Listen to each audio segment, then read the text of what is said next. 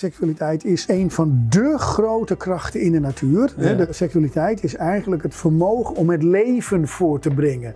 Heel veel mensen die heel beroemd en heel groot geworden zijn, die hadden eigenlijk een onveilige start. Ja, er worden veel talenten ontwikkeld rondom een mond. Nou, I rest my case. Dus leeftijdsgerelateerde seksualiteit, dat doen we niet. We trainen er niet. Dat betekent dat we eigenlijk blijven hangen op een veel jongere seksuele beleving dan we qua leeftijd zijn. Ja. Dat naar beneden kijken is eigenlijk het activeren van een pedofiele dwang. Als energie van mama en papa in jou op is, gaan ze het niet overpakken en zelf levenskracht maken.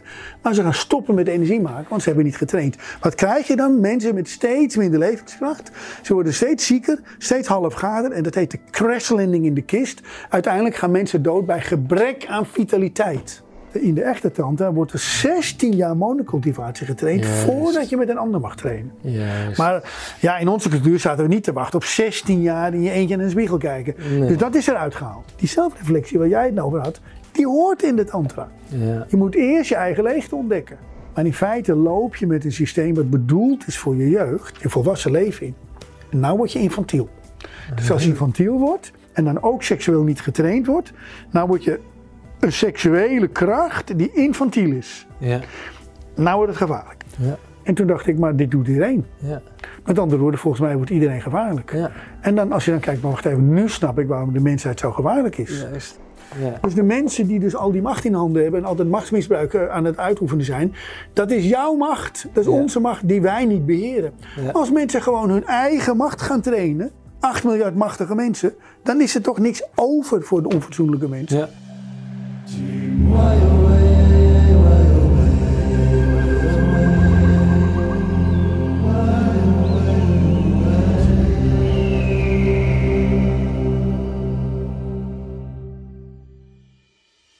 Welkom beste mensen, welkom bij een nieuwe aflevering van Tijdboek Lumens podcast. Eh, we hebben vandaag een hele bijzondere gast waar ik heel lang naar uit heb gekeken, namelijk Reinoud Eleveld.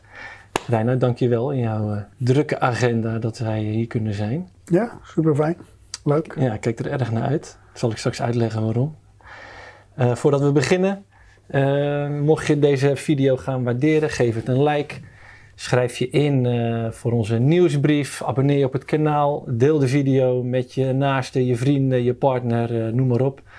En we gaan ook even een kijkje nemen in onze boekenrubriek. De vrijdag daarop is de borrel, buiten aan het water. Het is hartje zomer en snikheet. Iedereen in de stad lijkt vakantie te hebben en uit alle richtingen komt muziek. De stemming is uitbundig. Mike reageert uitgelaten als hij me ziet. Hij spreidt zijn armen, in één hand een flesje bier en roept: Mensen, dit is Sanne. Ze komt over seks van de Tao praten, of de Tao van seks, of over spirituele, seksuele energie of zoiets. O jee, denk ik, waar ben ik aan begonnen? Gelukkig is iedereen alweer snel aan het kletsen en lijkt mijn introductie vergeten. Ik zit heerlijk in de zon tot een vrouw zegt: Daar zou ik best iets over willen horen, over seksuele energie en spiritualiteit. Die twee lijken niet samen te gaan, toch? Het is of het een of het ander.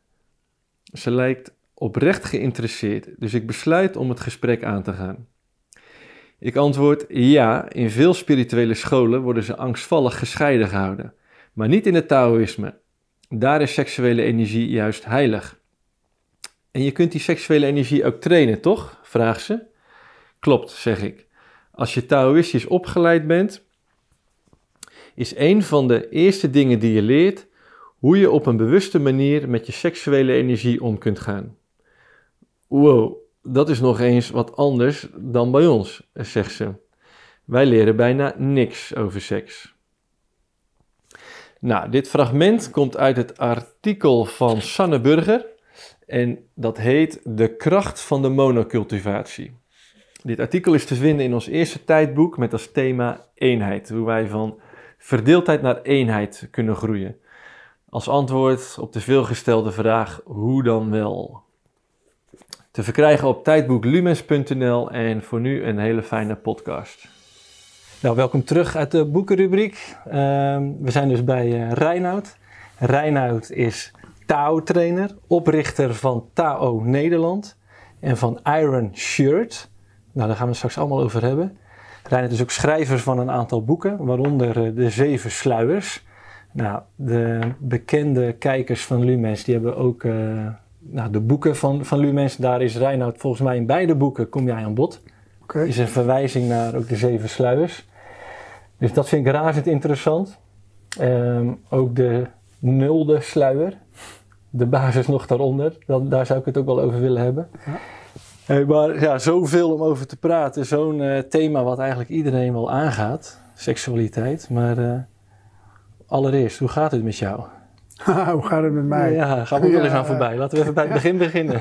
dat is mooi, ja. Um, Wauw, ja, dat is, een, dat is een eenvoudige vraag. Dat, dat vind ik ook een ingewikkelde vraag. Want ja, hoe gaat het met je? Dan moet, je, moet je eigenlijk goed zeggen. En hoe gaat het met jou? En dan moet je ook goed zeggen. En dan zijn we er vanaf. Maar ja, dat goed, dat goed, zomaar goed zeggen, daar kom ik niet mee weg. Mm. Omdat ik mezelf uh, nee, op drie niveaus waarneem. Ik neem mezelf waar als, als een individueel wezen. Wat je Reinoud kunt noemen, zeg maar. Ja.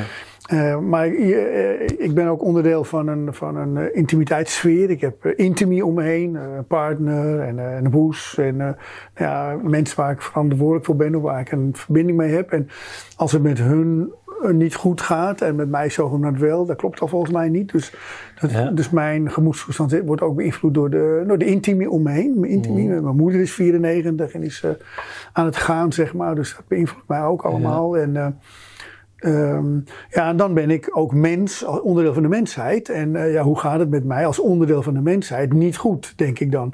Of uh, tenminste, ik doe mijn best om mijn positie als in het geheel van de mensheid zo krachtig en zo gezond mogelijk te krijgen. Maar de mensheid zelf is ziek. Dus, uh, dus ja, hoe gaat het met mij? Ik ben als onderdeel van die mensheid ook ziek. Dus, dus hoe gaat het met mij? Ja, ingewikkelde vraag. Maar ik ervaar mij. Um, ik, ik, train al mijn hele leven voor de duidelijkheid. Ik ben, ik ben echt heel goed getraind. Even los van wat dat betekent. Mm. Maar uh, dat gaat onder andere over mezelf veilig verklaren in complexe situaties. En dat kan ik heel goed, zeg maar. Dus ik, uh, dus, uh, dat, dat, noemen ze ook wel de storm. De, de, werkelijkheid beweegt een soort storm door en uit en om ons heen. En dat maakt het leven heftig om mee te maken. Maar een van de dingen die je traint als touw is dat je het soort, het oog van de storm weet te vinden. En, en dat je daar ook weet te ankeren. En dan komt eigenlijk een soort permanent rust, veiligheidsplekje tevoorschijn in je eigen werkelijkheid. En dat ankeren daarop, dat, dat heeft parelbewustzijn, of dat heeft ook te maken met hoe wijsheid werkt. Dat maakt dat er altijd een soort kalm plekje in mij aanwezig is. En, en als je daarna vraagt, hoe gaat het met jouw ankering, ankering in het oog van de storm, dan mhm. gaat het heel goed met mij. Dus ik vind dat mijn leven complex is en veel eisend en ook... Uh, tegenwoordig veel, veel mensen die mij volgen en heel veel mensen die bij mij trainen. Dat vind ik als Reinoud heel complex. Maar vanuit dat midden van het midden van, het midden van de storm kan ik dat heel prettig en aangenaam ervaren. Het is ook een soort permanent op vakantie zijn gevoel. Ja. En dat is heel stabiel in mij. Dus, eh, dus ik, ik, ben heel tevreden over het effect van mijn training op mezelf. En, uh, maar ik ben ook wel uh, onder de indruk van de opdracht waar ik als mens uh, mm -hmm voor sta. Ja, dus, wat voor opdracht sta jij? Nou, om jezelf uh, de zingeving en, en, te zorgen dat je op de plek bent waar je moet zijn als individu. Uh, dat interactie met de intimie, dat je die uh, veilig weet te maken en constructief voor jezelf en de anderen. Dat is een ingewikkelde puzzel, dat weet iedereen hoe je met de relaties dat voor elkaar mm moet zien te krijgen. En ook mijn invloed op het grotere geheel. Dus hoe, hoe ik in staat moet zijn of kan mhm. zijn om de mensheid eigenlijk wat meer een veilige kant op te sturen. Ik vind dat we niet helemaal als mensheid niet helemaal de veilige kant op lopen. Eens. Ja, daarvoor zijn we hier ook. Maar dan zijn mij vraag, hoe gaat het met je? Als onderdeel van de mensheid maak ik me zorgen. Ja. Maar als Reinoud, als individu, vind ik dat ik, ben ik onder de indruk van hoe prettig ik mij voel in deze omstandigheden. Ja. Nou, ik denk dat heel veel kijkers, waaronder ik, zich heel erg kunnen vinden in jouw antwoord. op een simpele vraag als hoe gaat het met je? Ja, oké. Maar hoe ben je gekomen bij dat veilige midden? In jezelf? Ah, ja, ik denk dat uh, de oorsprong ook wel ligt bij een onveilige jeugd. Uh -huh. Dus, dus uh, dat je dan uh, een interne behoefte krijgt om op zoek te gaan naar omgaan met die onveiligheid. En een deel daarvan is natuurlijk ook zoeken naar veiligheid. Dus het thema onveilig en veilig, dat is al in hele vroeg in mijn leven actief geworden. Kijk, als je geconfronteerd wordt met ingewikkelde omstandigheden, dan als je niet sterk bent, moet je slim zijn. Hè? Dus als de Mhm. omstandigheden zo zijn dat je er niet tegenop kan. Eh, mijn vader was onveilig, was, Ja. eh, was, was psychisch instabiel, grote, sterke man. En eh, die was onveilig. Dus nou ja, ik was een hummeltje natuurlijk. Dus ik kon het met kracht niet winnen van mijn vader. Zoals mijn vader. Mijn vader was onveilig, maar ik kon niet van hem winnen. Nou, oké, wie niet sterk is, moet slim zijn. Wat blijkt nou? Mijn vader was briljant. Was een krankzinnig, een krankzinnig intelligente man. En daar kan ik een heleboel verhalen over vertellen. Maar met dat slim zijn zat er ook niet in. Dus ik kon het niet winnen op kracht. Ik was een klein jongetje natuurlijk. Ik kon het niet wi- winnen op slimheid. Ik, ik, heb wel, ik ben ook niet de domste of zo. Maar als klein jongetje ben je, heb je die capaciteit nog niet. Dus eh, ja, ik zat zonder wapens. En eh, nou blijkt er eigenlijk nog een derde uitgang te zijn. Het spreekwoord wie niet slim is moet sterk zijn. Of wie niet sterk is moet slim zijn. Dat klopt niet. Het moet eigenlijk zijn wie niet sterk is. En wie niet slim is, die moet kunnen toveren. Ja, ja. En eh, dat had ik door op mijn vijftiende. Dus op mijn vijftiende, uh, Reindert wil, wil je laten worden. Werd eigenlijk een soort beroepenkeus van mij verwacht. Maar dat speelde helemaal geen rol in mijn beleving. Ik was nog steeds bezig met hoe kan ik veilig worden. En, en hoe kan ik mijn zusjes en mijn moeder ook helpen veilig worden. Dus ik krijg ook wel een soort hulpbehoefte naar, Ja. naar de mensen waar je van houdt om je heen. En uh, nou, toen dacht ik, nou ja, ik kan het nooit met kracht winnen dit. Ik kan het nooit met intelligentie winnen. Dus, dus, dus, dus, dus. En ik werd wakker op een gegeven moment met, ik moet kunnen toveren. Ja. En toen heb ik de wens voor mezelf geformuleerd, ik wil tovenaar worden. Dat was ik 15.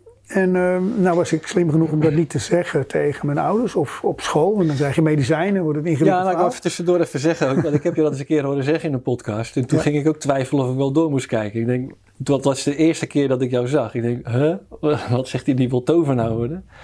Maar ehm, ja, je hebt toch wel een mooi pad daarin afgelegd. En ik ben heel benieuwd naar Ja, ik ben, nu, ik ben nu 67 voor de duidelijkheid. hè. Ja, ik, ben nu, ik, ben, eh, 67. ik heb een AOW'tje, de studie. Nou ja, ik ben niet met pensioen, maar ik ben van pensioengerechtige leeftijd nu. En, maar ik heb gewoon, ik heb geen gezin. Ik heb op mijn 15 ook besloten kindvrij te zijn. Dus ik ben mijn hele leven kindvrij al. Ja. En, eh, en eh, wat wat anders is dan kinderloos. Ik heb geen kinderen, maar niet vanuit gemis, maar vanuit keuze. Mhm. Dat heet kindvrij. Ben mijn hele leven al kindvrij. En ik, ben gewoon, ik heb mijn hele leven andere mensen gezin en carrières gaan beginnen. Heb ik dus weliswaar gecoverd. Ik heb het wel een beetje verstopt in het begin. Maar ik ben gewoon op het spoor van de shamaan en de helderziende mannen en vrouwen. En de onvoorstelbare mensen op deze planeet. Daar ben ik gaan zitten en daar ben ik gaan volgen. En ik ben mezelf gaan ontwikkelen als... eh, eigenlijk als magische man. Maar, maar heel simpel. Mensen kunnen wel zeggen, eh, wat, wat kwaakt hij nou voor onzin? Maar ga terug naar de spreekwoord. Als je niet slim bent, dan moet je sterk zijn. Of als je sterk bent, moet- als je niet sterk bent, andersom. Als allebei schaakmat staat, dan moet je iets anders verzinnen. Verzin een list. Nou ja, de- maar die list was toveren. Ja, en dat heeft mijn leven op een briljante manier vormgegeven. Ik ben, ik ben intens gelukkig dat ik dat eh, gekozen heb en gedaan heb. Heb ik ook nooit losgelaten. Voor de. Mijn hele leven is dit dus mijn leidraad. En kun je een voorbeeld geven hoe jij je vader hebt verslagen met toveren?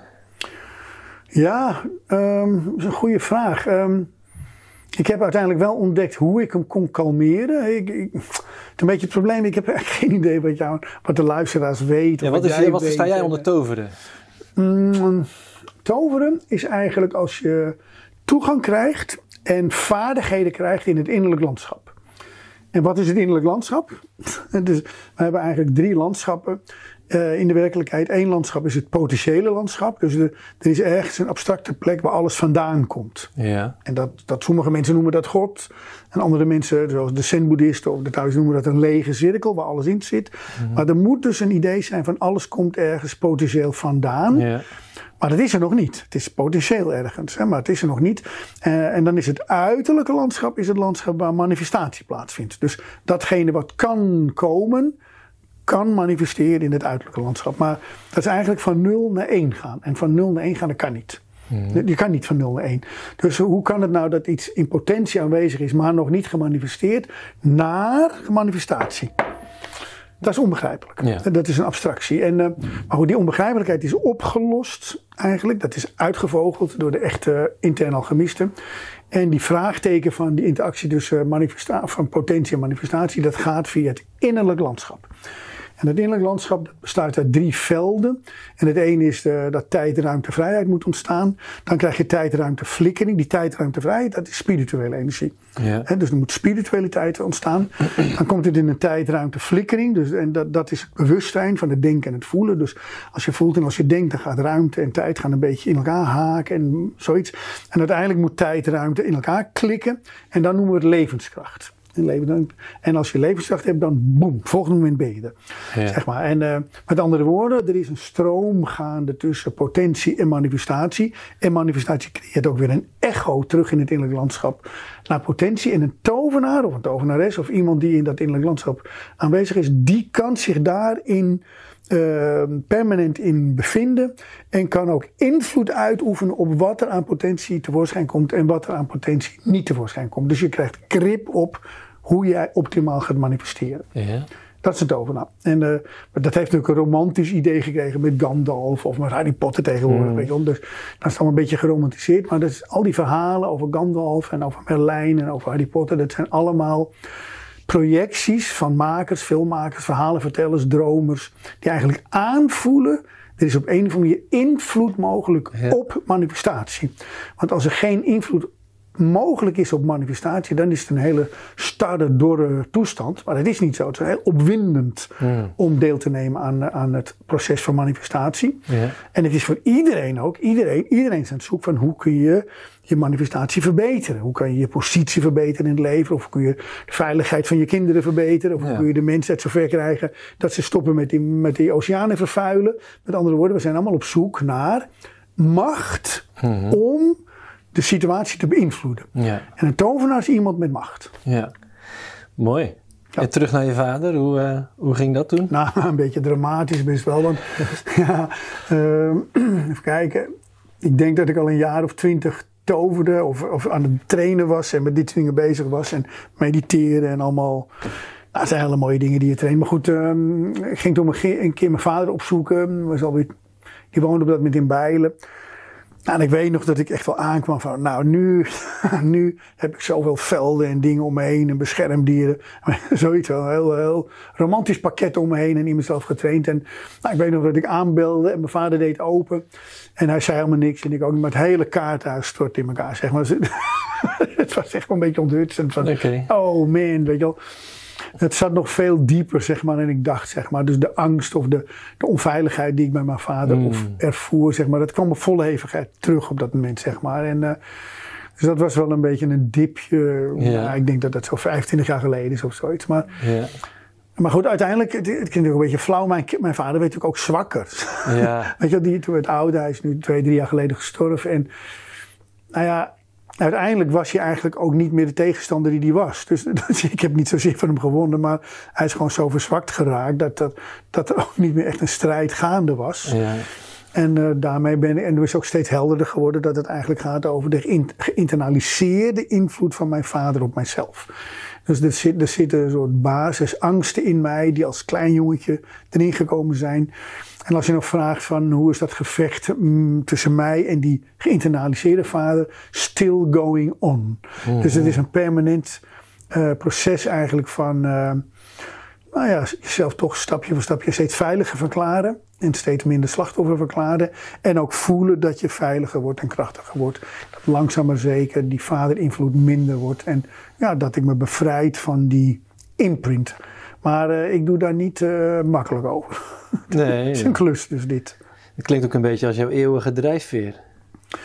Nou ja, je zou kunnen zeggen van eh, waarom. Je zou bijna kunnen zeggen dat ik uit die situatie misschien mijn zin- zingeving wil halen. Ja. Dus je kunt daar filosofisch ook weer naar gaan kijken van oh wacht eens even. En er wordt in termen van tover ook wel gesproken daarover. Van je wordt eigenlijk, als je geboren wordt, kom je in die situatie waarin je past. Ja. Dus je wordt precies geconfronteerd met omstandigheden waarin je de kans krijgt om ten onder te gaan of het te boven te komen. Dus, dus het is, we worden niet, niet alles is eerlijk. Sommige mensen lijken een heel veilig plekje te krijgen en andere mensen een heel onveilig plekje. Maar er wordt in filosofisch opzicht ook wel naar gekeken van maar, maar, maar dat onveilige plekje dwingt je ook tot een intens spoor. En eh, je zou niet de, mm, de grote mensen van planeet, deze planeet de kost moeten geven die onveilige start hadden. Dus heel veel mensen die heel beroemd en heel groot geworden zijn, die hadden eigenlijk een onveilige start. Ja. En dat heet ook wel een beetje vroeg volwassen worden. En als je vroeg volwassen wordt, betekent dat je je kinddelen achterlaat in de tijd. Dus je laat stukken onschuld achter. Maar dan word je vroeg volwassen. En vroeg volwassen ben je de kinderen in je, in je leeftijdscategorie de baas. En daarmee krijg je een voorsprong op de mensen om je heen. Ja. ja, er worden veel talenten ontwikkeld rondom een mond. Nou, I rest my case. Dat is precies wat ik uitleg. Ja. Dus of ik nou ooit van mijn vader gewonnen heb of ga winnen, dat weet ik niet. Maar het is volgens mij ongoing battle. maar, uh... Nee, ik zie dit vaker. En ik vraag me dan ook gelijk af van... is het ook niet wat met de mensheid in het groot gebeurt? Dat is zoveel trauma. Maar ontwikkelen we dan vervolgens als collectief niet ook de talenten rondom die wonden om veel krachtiger te kunnen gaan leven? Nou ja, dat, het, kijk, het wordt, ook, het wordt ook wel wrijving genoemd. Ja. dus je moet een bepaalde mate van wrijving meemaken om je aan te slijpen. Dus als je een helemaal afgeschermd, eh, wrijvingsloos leventje hebt, ja, dan verdwijnt ook de impuls om jezelf te sterken, te laten groeien, behendiger te worden. Dus dus ja, en, in extremo komt daar ook de theorie vandaan dat je mensen eigenlijk uh, hardvochtig moet opvoeden. Dus hoe hardvochtig je opvoedt, uh, hoe groter de kans dat het krachtige mensen wordt. Maar ik ben tegen die theorie, omdat dat veel dan moet je eigenlijk het oude boek van Bordewijk lezen, Karakter. Dat is een ding wat we vroeger op school moesten lezen. Ik denk dat er nu niet veel mensen zijn die het nog lezen, maar het boek Karakter van de Nederlandse schrijver Bordewijk. En dat gaat over een vader die, die het zijn zoon zo moeilijk mogelijk maakt. Ja. Helemaal vanuit het gevoel van liefde. Als ik het hem zo moeilijk mogelijk maak, dan wordt hij een hele sterke man. Maar hij wordt ook wel een hele sterke man. Hij wordt ook razend op zijn vader. En uiteindelijk wordt het een heel gewelddadig einde. Zeg maar. Maar uh, ik denk dus dat dat niet de bedoeling is. Je moet niet volgens mij voor God gaan spelen. Mm. Het, leven is, het leven zelf onderdeel zijn van de mensheid. En van die tijdsgewicht dat is al uitdaging genoeg.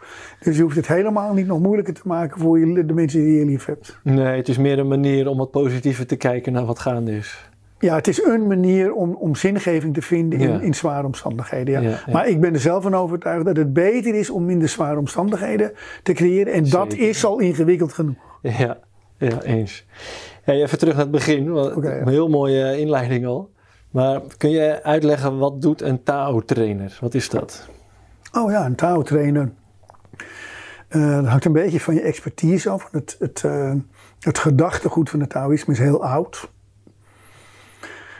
Geschreven bronnen gaan terug uh, tot, uh, tot 500 jaar voor Christus. Boek van de Gele Keizer en de Tao Te Ching van Lao. Er zijn wel archeologische aanwijzingen dat het wel 20, 30.000 jaar oud is. En uh, Taoïsme is eigenlijk ontstaan uit een verzameling van esoterische kennis van alle hoeken en gaten van de mensheid, van de, van de vroegere mensheid. Dus de, Siberische shamanen en de, de Tibetanen en de, en de yogis, die hebben dat uh, van het noorden naar het zuiden laten stromen. En de, nou, de Chinese kennis en, uh, en de kennis van de Polynesiërs en de animistische kennis van Zuidoost-China en India. En ook de Eufraat en de Tigris en de Egyptische kennis en Egypte, dat is allemaal in zijderoutes en, en handelsroutes van de mensheid uh, naar het, via het Kunlun-gebergte gegaan.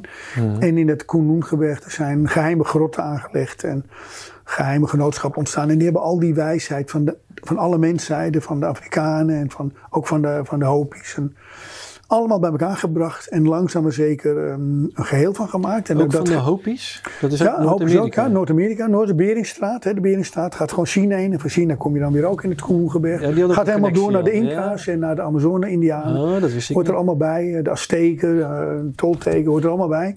Dus alle, esoterische, alle esoterische stromen van de planeet zijn in het Kunlun-gebergte zeg maar gemengd. En uit dat mengsel is eigenlijk het Taoïsme ontstaan. Dus oh, het Taoïsme is eigenlijk een mysterieschool waar de kennis van alle oude mysteriescholen in verzameld zit.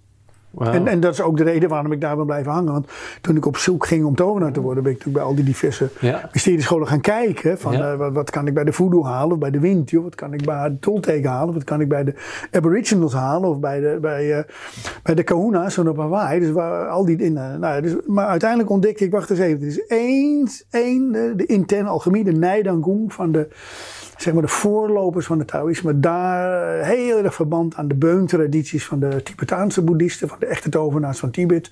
Nou, daar is het heel erg mee verbonden. Zeg maar. Daar had ik iets van, now I talk business. Hier hoor ik. Juist. En toen heb ik, dat is nu zo, bij 31ste ben ik gearriveerd op die plek, zeg maar, bij die mensen, bij die stroming. En dat heb ik niet meer losgelaten. Ja, ja wauw.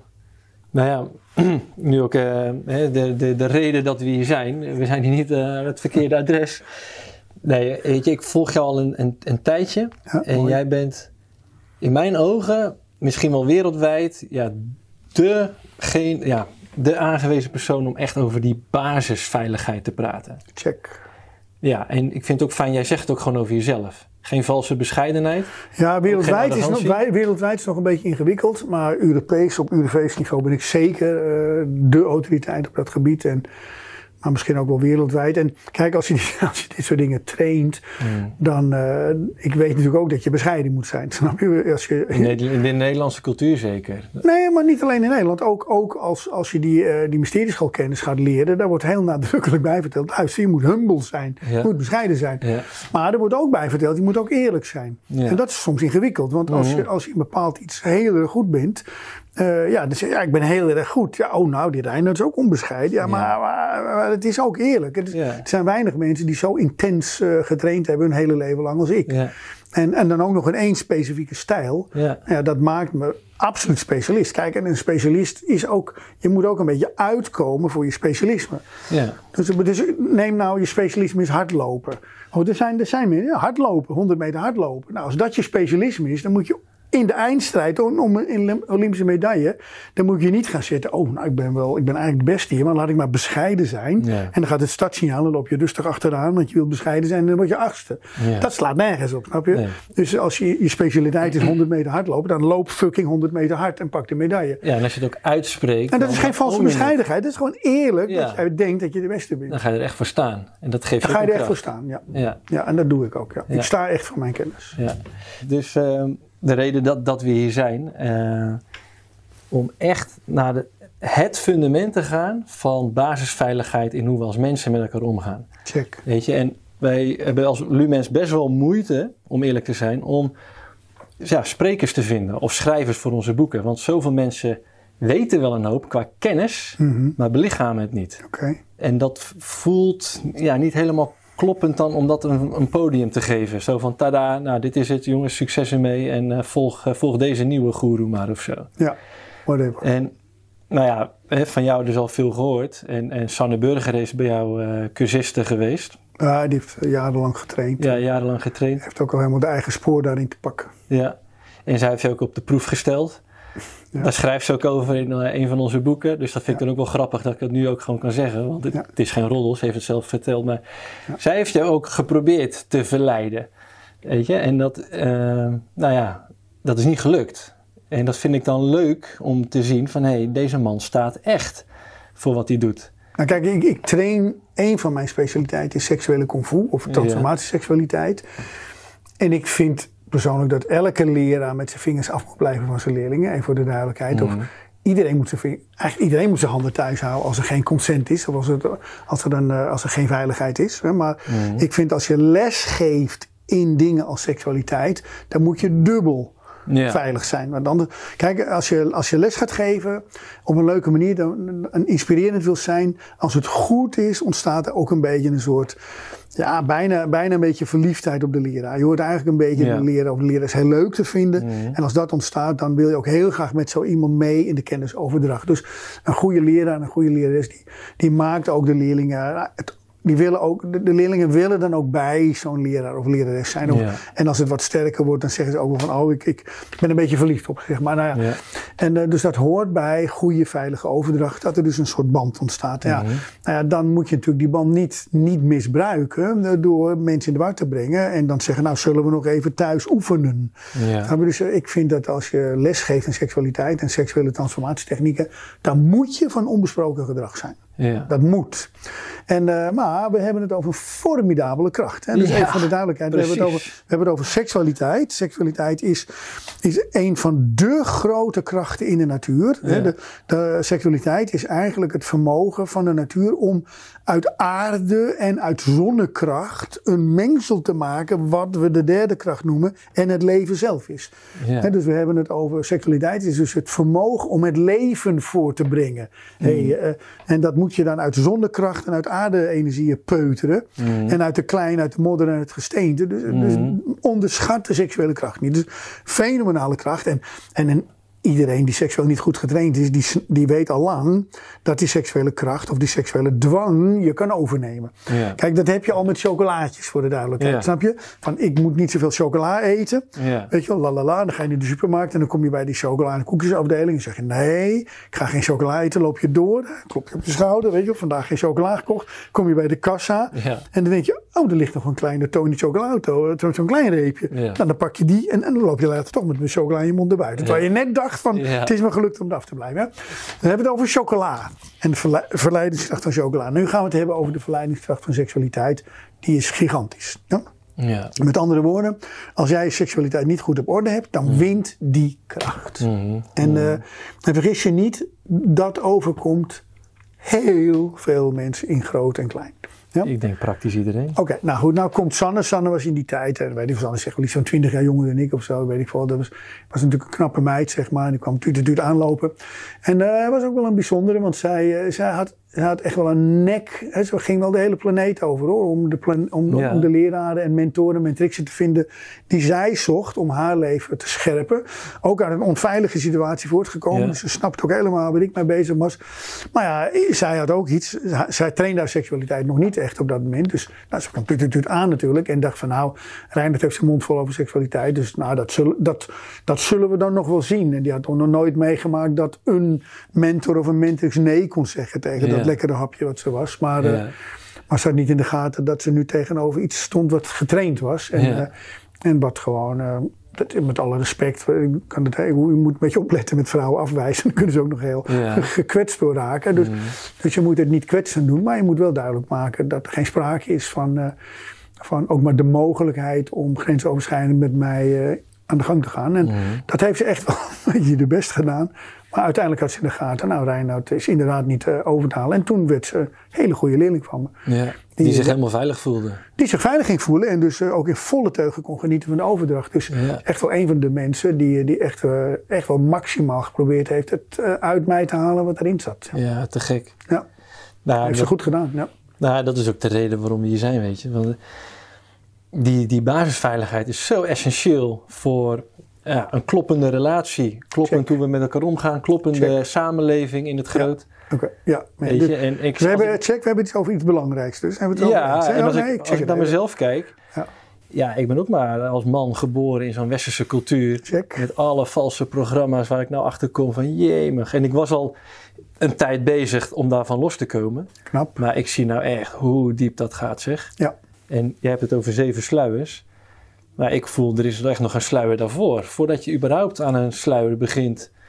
Van, ehm, wat beweegt je naar voren? En eigenlijk, waar ik achter kom, is dat telkens een behoeftigheid. Ja. Een, een, een, Ja, ja. een zucht naar erkenning, bevestiging, geborgen willen iets, voelen. iets leegs wat willen gevuld moet worden. Ja, Ja, en, en zelfs sluier 1 is dan al eigenlijk al te ver. Kijk, als je dat boekje goed leest, Zeven Sluizen. Ik ben ook nu een veel dikker boek aan het schrijven over de Zeven Sluizen. Omdat langzaam maar zeker worden de mensen geïnteresseerd in deze thema's. Hè. Ja. Zeven Sluizen gaat over het leren vertragen.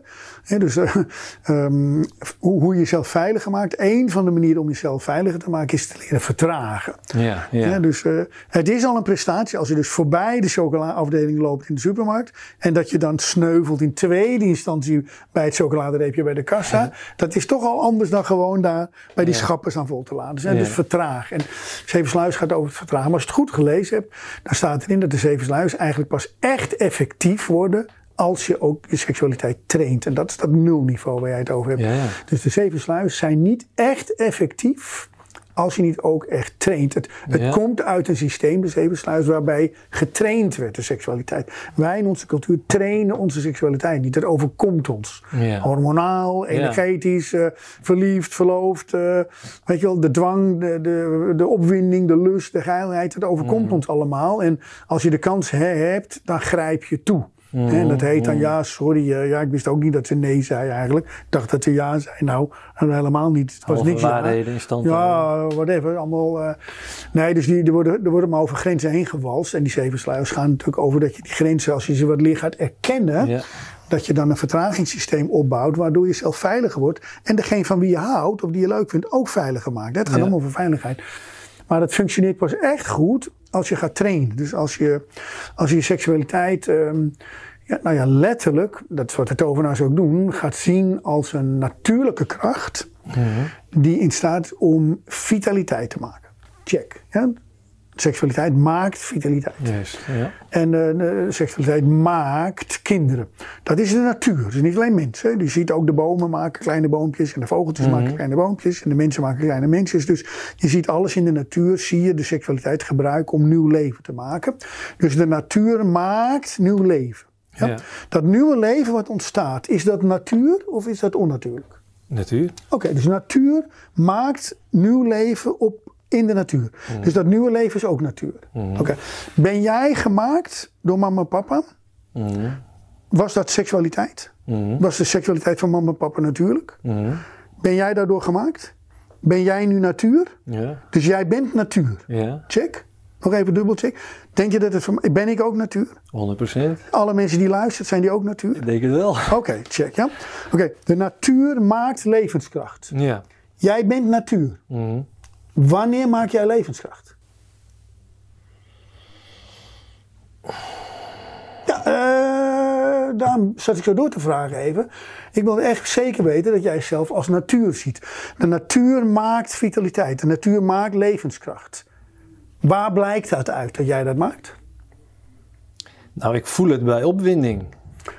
Oké, je voelt het bij opwinding. Ja, maar is dat levenskracht of Ja. is dat opwinding? Ja, precies. Even heel simpel, je kunt kinderen maken. Ja? Dus je kunt, zoals jij gemaakt bent door jouw papa en mama, zo kan jij in theorie, ik weet niet of je kinderen hebt, maakt me ook niet uit, maar wij kunnen kinderen maken. Zeg maar. De mensheid kan kinderen maken. Dat is een manier om dat natuurlijke vermogen van de natuur, om natuur te maken, door te geven. Ja, dus één manier, dat heet voortplantingsseksualiteit. Ja. Maar dat is één manier. Er is nog een manier. Je kunt, als jij natuur bent, de natuur heeft het in zich om kinderen te maken. Als ik natuur ben, dan heb ik het in mij om levenskracht te maken. Ja. Dus waar komt levenskracht vandaan? Uit de natuur. Ja. Ik ben natuur. Dus wat doet een tovenaar? Ik maak levenskracht. Juist. Ik krijg levenskracht van papa en mama mee. Dat geschenk is al lang op. En waar andere mensen stoppen, die gaan dus niet als de energie van mama en papa in jou op is, gaan ze het niet overpakken en zelf levenskracht maken. Maar ze gaan stoppen met energie maken, want ze hebben niet getraind. Wat krijg je dan? Mensen met steeds minder levenskracht. Ze worden steeds zieker, steeds halfgader. En dat heet de crash landing in de kist. Uiteindelijk gaan mensen dood bij gebrek aan vitaliteit Ja. Omdat ze geen seksualiteit omzetten in vitaliteit. Ja. En de bedoeling van transformatieseksualiteit is dat je dat vermogen om vitaliteit te maken in jezelf gaat toepassen in jezelf. Ja. Dus je gaat elke dag een klein beetje levenskracht maken. Dus ja, ik leef. Dus ja, mijn levenskracht besteed ik aan het leven zelf. Maar ik maak een beetje bij. Ja. En ik besteed het en ik maak een beetje bij. En ik besteed het, ik maak een beetje bij elke dag. En wat er gaat gebeuren is, mijn, mijn accu gaat helemaal niet leeg. Ik ga helemaal niet ziek, zwak en misselijk dood. Ik ga heel erg gezond 90, 80, 90, 100 worden. En dat, hoe- alle mensen kunnen dat. Wij worden allemaal gebrekkig oud. Ja. En omdat iedereen het overkomt, denk ik, gaat mij ook overkomen. Maar dat is onzin. Dat is cultuur. Dat is cultuur, dat is een culturele overtuiging. Ja. Maar als we zeggen, oh wacht even, Reinhard heeft gelijk. Seks heeft mij gemaakt, dus ik kan met seks nieuwe levenskracht maken. In mij. Ja. Dat betekent dat ik mijn vitaliteit tot op zeer hoge leeftijd ga behouden. En dan op een gegeven moment zit je bij voltooid levenseinde. zeg je, nou, ik heb het nu wel een beetje gezien en gehad. Dit was het voor mij. Dus ik heb het gevecht met mijn vader Ja. uiteindelijk op een of andere manier weten op te lossen in wat ik nu ben. Ja. Nou, dan ga je gewoon zitten. Hè. Je ongeveer drie dagen voor nodig. Zet je hart stil en dan sterf je op een hele mooie manier. Het is een hele fijne ervaring, ga je dood. Dus het sterven zelf is zelfs aangenaam. Je hebt, je hebt dus helemaal, dit hele, dat hele zorgstelsel kunnen ze opheffen in Nederland. Als we gaan trainen, hebben we allemaal niet nodig. Dat is allemaal onzin. Dat zorgstelsel is alleen maar in het leven geroepen, omdat iedereen aan het leeglopen is als een lege fietsband. Ja. We pompen ons niet op. Ja. Nou ja, en dat. En nou hebben we het over die nulbasis waar jij het over hebt. Dus jij voelt ook, je bent nu eh, na de 28, ga je langzaam ga je de eerste kenmerken voelen van wacht eens even, iets in mij. Dan ga je langzaam zeker een plan B zoeken, zoals het heet. En eh, wat mist er nu? En dat missen ga je zoeken bij de ander. Je probeert dat langzaam leeglopen te halen. Hou jij van mij? Zie je mij? Ja. Vind jij mij leuk? Ah, en dan ook, nou, en dan ook. En dan dump je die in de volgende. Oh, ik ben Ja. jou verliefd. Vind jij mij leuk? En dan even in die extase van die verliefdheid. En dan kabbelt dat weer af. En, dan- en dan nog weer malle handen om die ogen. En dan gaat het niet worden hoor. Wat je nu zegt, hè, dit is wat ik zoveel zie en ook in mezelf herken. Dat we elkaar gebruiken om onszelf op te laden. En dat gaat niet lukken, snap Nee. je? Jij hebt toch ook geen zin om de ander te vullen? Je bent zelf al op Ja. zoek naar vol. Ja. Dus je moet jezelf eerst vol maken. Ja. Met andere woorden, je moet je seksuele energie op zo'n manier gaan trainen. Dat die druppeltjes babystof, want dat is het eigenlijk. Je moet gewoon babystof in jezelf laten maken. Dat, al die illustraties achter mij, die duiden het ook. Dus ook waar ik, dat doseer ik. Dat soort dingen. Dus je moet babystof leren maken. En dan gebeurt dat je elke dag, terwijl je leeft, ook een beetje levenskracht aanmaakt. Dat kunnen wij, omdat we natuur zijn. De natuur kan dat. Ja. En je moet alleen weten hoe het werkt. En dat weet ik. En dat, kun je, dat is makkelijk. Het is niet moeilijker dan leren fietsen, voor de duidelijkheid. Het is alleen ingewikkeld omdat we het niet weten. En wat we niet weten, wat ja, onbekend is onbemind. En nou, die Reinoud die zegt van die rare dingen. Ik zeg helemaal geen rare dingen. Nou ja, ik het wilde- is simpel. Ik wilde wel even aan toevoegen ook, dat toen wij er binnenkwamen stond je al aan. En er is niks veranderd, de camera's gaan aan. Maar, en eh, wat ik ook van je horen en in andere podcast heb gezien. Ja, jij, eh, ja, Man on a Mission, die Ja, ik ben echt een man on a mission. Daarvoor, daarvoor zit ik. ja, op 67-jarige leeftijd. Ja, en eh ik blijf nog even doorgaan ook. Ja, tenzij ze een tram op mijn hoofd gooien, dan weet ik het ook even niet meer, weet je wel. Maar, maar als dat niet gebeurt, ga ik door tot het gaatje. Ja. Ja, Hey, maar het is heel eenvoudig, zeg je. Nou, dan, het is echt eenvoudig. dan zijn we allemaal wel heel benieuwd. Eh, leg maar uit. Ja, dan? dus om te beginnen moet je het innerlijk landschap in. Ja. Dat is het eerste wat je moet doen. Dus je moet, je moet begrijpen dat er behalve een uiterlijk landschap is, een gemanifesteerd landschap, een innerlijk landschap is. En dat is al A, onze cultureel. Dus onze wetenschappers zeggen, nou, het moet meetbaar zijn, het moet weetbaar zijn. Het moet, eh, je moet het kunnen zien, horen, tastbaar, voelen, eh, proeven. Dan is het echt. Als je het niet met die zintuigen en, en ook niet met telescopen of microscopen kunt vinden, dat soort dingen. Als je niet kunt bewijzen dat het bestaat, dan is het zweverig. Ja. Dan is het nipperij. Dan, dan, en dat is onzin. Hè, dus met alle respect voor hele mooie, intelligente dingen die de wetenschap ontdekt, daar heb ik verder geen problemen mee. Maar dit paradigma wat zij hanteren, dat alleen het meetbare concreet is, dat is onzin. Dat is gewoon gebrek aan intelligentie. Nou, Het, het is overduidelijk dat de werkelijkheid ergens vandaan komt. Ja. Deze tafel waar je aan zitten, die was 100 jaar geleden nog niet. Nee. Waar komt die fucking tafel vandaan? Ja. Die komt uit de potentiële werkelijkheid. En dat is uiteindelijk door de ontdekking van metaal en houtbewerking en blabla, een architectje erbij, is dat ontstaan. Dus het is door een proces gegaan van manifestatie. Het is niet, raar genoeg om dat van een tovenaar te horen, het is niet hocus pocus pilatus pas, ik wou dat de tafel er was. Zien. Nee. Nee, Ja. die tafel is door een heel, heel proces gegaan van een ideevorming en een bewustzijnsvorming. En uiteindelijk tijd, ruimte in elkaar schuiven. En dan uiteindelijk, boem, is die tafel. Het is een hele, heel, heel spoor gegaan. Dus het, het aanvaarden van het innerlijk landschap. Dat is, dat is stap 1. Dus dat, dat is de sleutel die je moet pakken. Ervaren van het innerlijk landschap. Ja, er, zijn geen, er is niet één werkelijkheid, er zijn als het ware twee werkelijkheden. Ja. Er zit een werkelijkheid door de werkelijkheid heen. Ja. En dat is de wereld van de trans, en dat is de wereld van de tovenaars en de helderziende mannen en vrouwen. En dat is de tovenaar, dat is de wereld waar mensen godsdienst, eh, godsdienstige ervaringen, spirituele ervaringen, of ook psychotische of godsdienstige psychotische ervaringen krijgen. Dat is de droomwereld. Er is een droomwereld en er is een gemanifesteerde wereld. En als je gaat trainen, train je in de droomwereld. Ja, maar wat is hier nou eenvoudig aan? Want dit klinkt al heel Nee. complex. Je hoeft alleen, ik zeg alleen maar, je moet aanvaarden dat het een droomwerkelijkheid is. Dat er dus nog een werkelijkheid is. Dat is één. Oké. Aanvaard dat die is. Ja, en het die als een hypothese.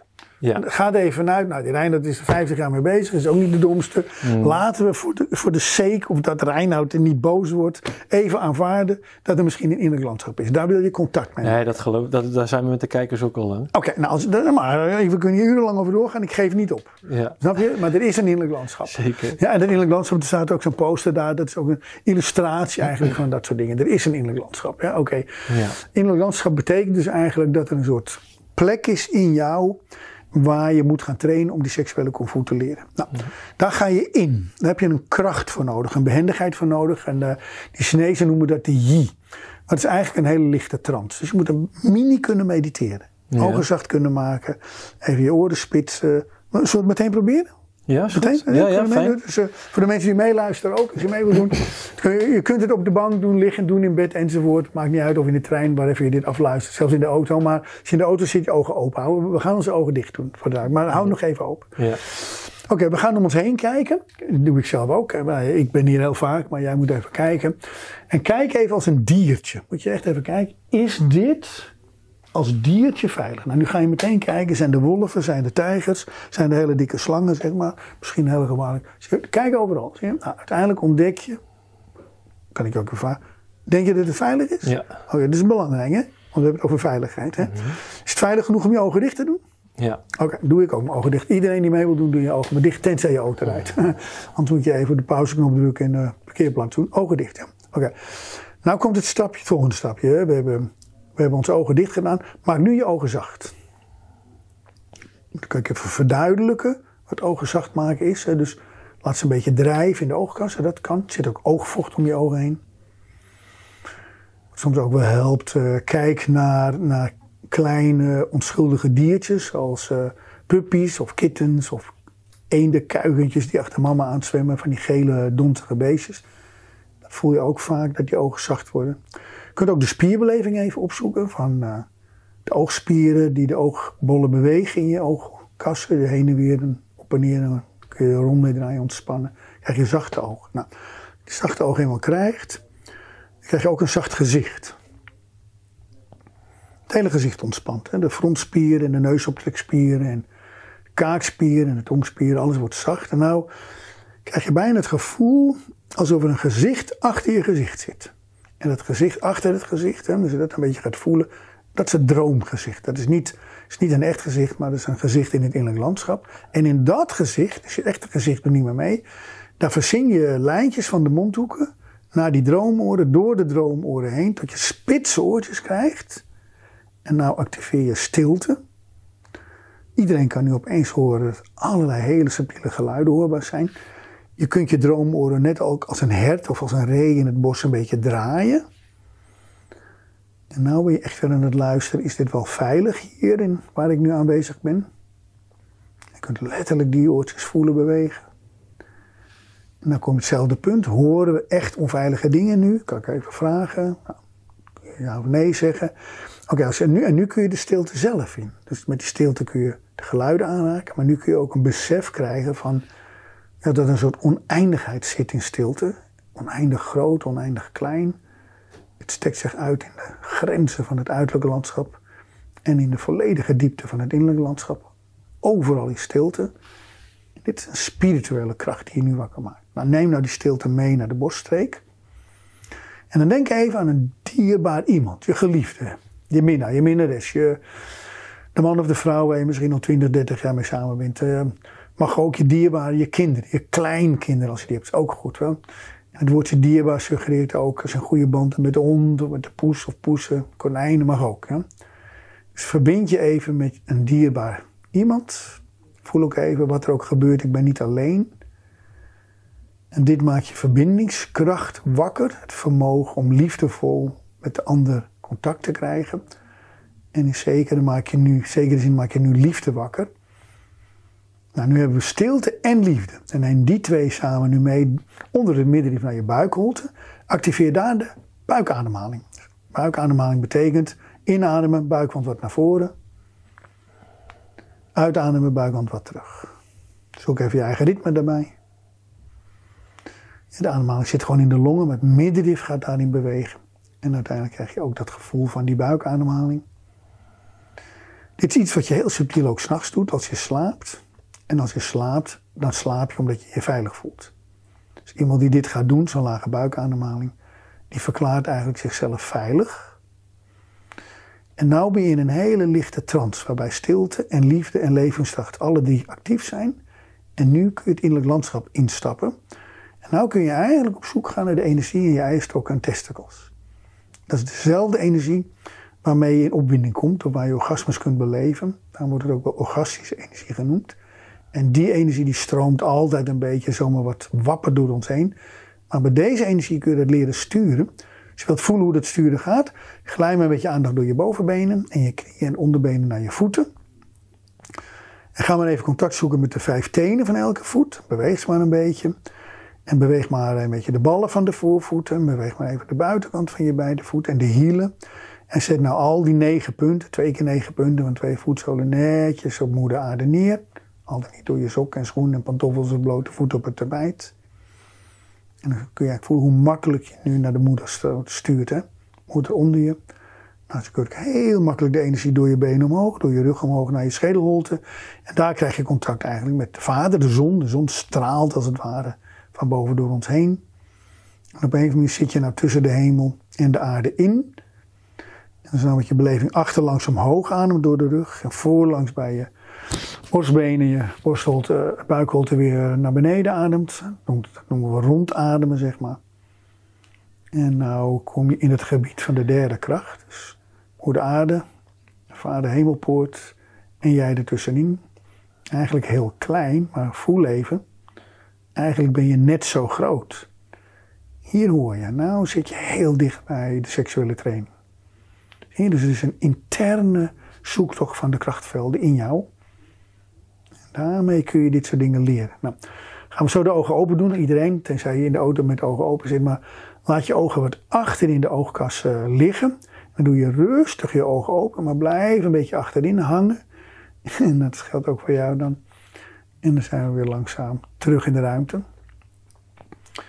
Ja, dat is dan een licht, licht voorbeeldje van hoe je dus in jezelf kunt trainen en aanwezig kunt zijn. Hoe voel je dat? nou, schrikken ook halverwege. Op, de, op, het moment, op een gegeven moment zeg je iets van dat je.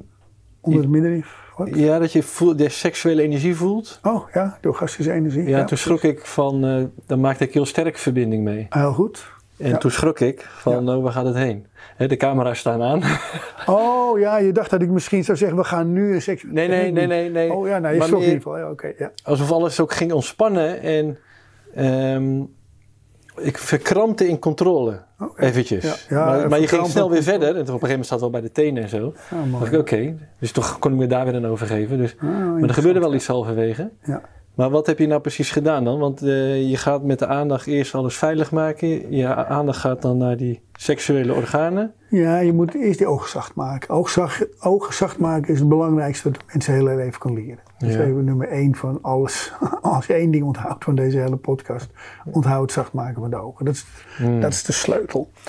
En als je die ogen helemaal zacht hebt, dan, kun je, dan wordt het gezicht zacht. Dan kun je dat gezicht achter je gezicht ontdekken. Ja. En daar kun je dan die spitse oortjes maken. En dat, daarmee activeer je spirituele energie. Dat is eigenlijk spiritueel ontwaken. Oké. Dus dan kom je in de stilte. Nou, als je spirituele energie wil ervaren, dat is stilte. Dat is heel makkelijk. Ik heb me kapot gezocht daarna, tot ik ontdekte hoe makkelijk het was. Maar de spirituele energie is makkelijk. Ja, want je stapt even uit de Reinoud of Ferdinand ervaring, maar je gaat in ja. iets groters. Ja, je komt in iets stils. Van, oh wauw, en ik, stilte is dat er tussen de geluiden in zit. Dus stilte is niet de afwezigheid van geluid, maar is het vermogen. Als dit de do is en dit de re is, hmm. stilte zit er tussenin. Dus je kunt de do aanraken en je kunt de re aanraken.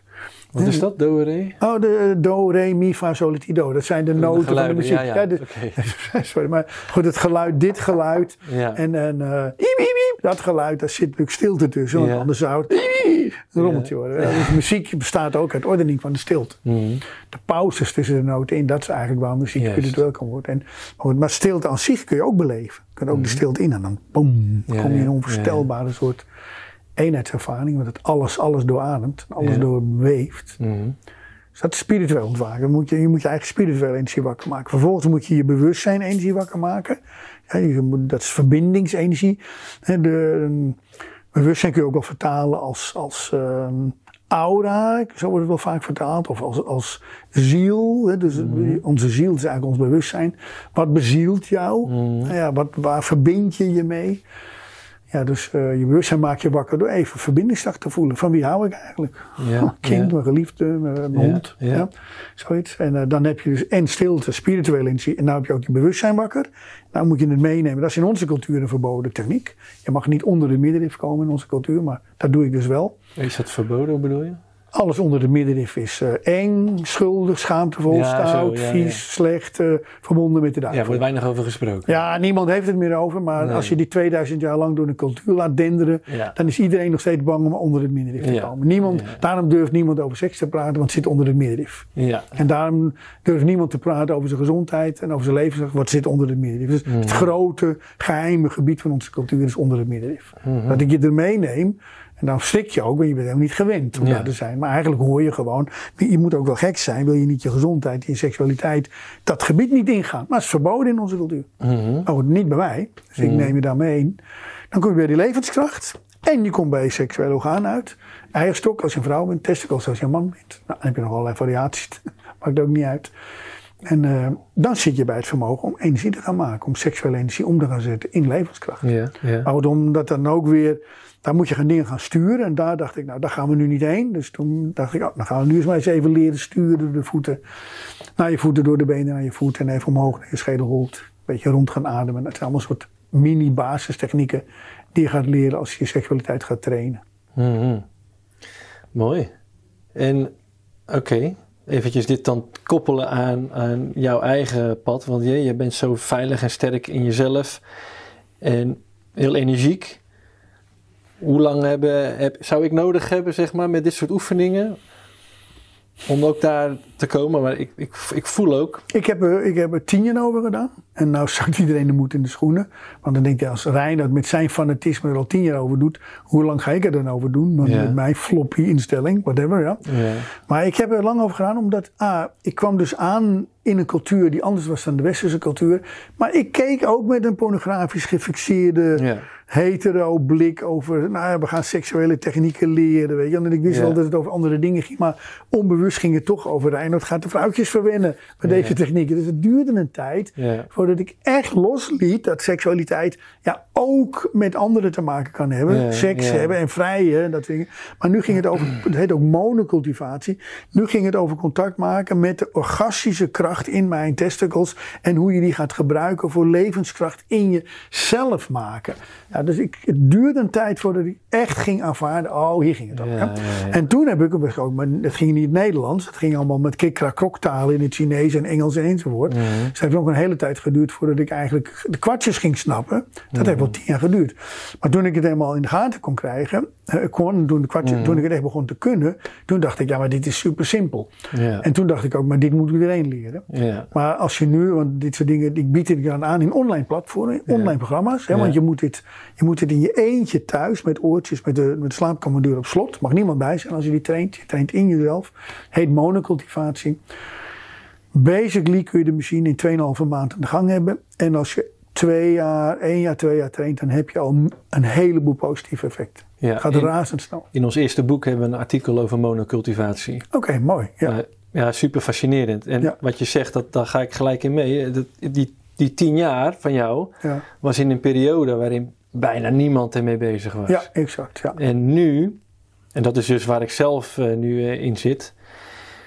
Weet je, ik ben onwijs aan het vertragen, omdat ik de meeste ellende in mijn leven komt voorbij aan grensoverschrijdend gedrag Ja, van tuurlijk. mij en anderen. Tuurlijk. Ja. En doordat ik ga vertragen, zie ik hoeveel ja, behoeftigheden en afhankelijkheden er gewoon nog in mijn systeempje zitten, Exact. waar ik dan achter kom. Ja, exact. En ik wil niet meer daarin zitten. En, Nee, je moet jezelf vullen. Je moet, je moet dus in jezelf, dat, die, je moet die bron in jezelf gaan aanzetten. Ja, en ik kwam toen wel eventjes in een heel eenzaam stuk. Ik denk, ja, Ja. want heel de wereld hangt van dat afhankelijke aan elkaar. Kom Ja. ik achter. En ik denk, jemig, Ja, kom ik aan. Nou ja, dat had ik 40 jaar geleden al door. Dus eh, ik, heb dat, ik ken, ik werk wel even het gevoel van, oh, wacht even. eh, dit is een toestand. Ja, Dat ken ik wel, dat gevoel. Maar, daar, daar groei je doorheen trouwens. ja nou, ik ben daar een half jaar geleden verhuisd. En ik, ik zit aan hele leuke buren. En ik zit daar met, eh, met een aantal van hun over te praten. En twee van hun, los van elkaar, zowel man als vrouw, Ja, komen op hetzelfde uit. En dat vertragen en los van die afhankelijkheid en echt vanuit een zuiverheid en een puurheid willen verbinden. En die hebben dus ook al heel lang niet verbonden. Maar ik lees daaruit af ja, maar nou, waar het collectief aan het heen groeien is. ja mee eens. En ik word daar zo blij van. Ja, ik ook. Ja, dus die, die tien jaar waar je het over hebt. Maar ik het, is wel grappig hoor, want ik heb vanochtend ook weer 30 mannen les gegeven, eh, digitaal. Hè. Er was een groep mannen die op dit moment een, een half jaar training start bij mij. En toen ik die training drie, vier jaar geleden startte. Kijk, wij mannen, hè, wij mannen, mannelijkheid, wij presenteren ons krachtig. En Mm. eh, weet je wel, de voorkant zit goed voor elkaar. En al onze zwakheden en on- onzekerheden, die, Ja. die stoppen we aan de achterkant, zeg maar. We maken een sterke voorkant, weet je Ja. wel. Trotse kaaklijn. Borst Ja. sixpack of een biervat, zoals in mijn geval, weet je wel.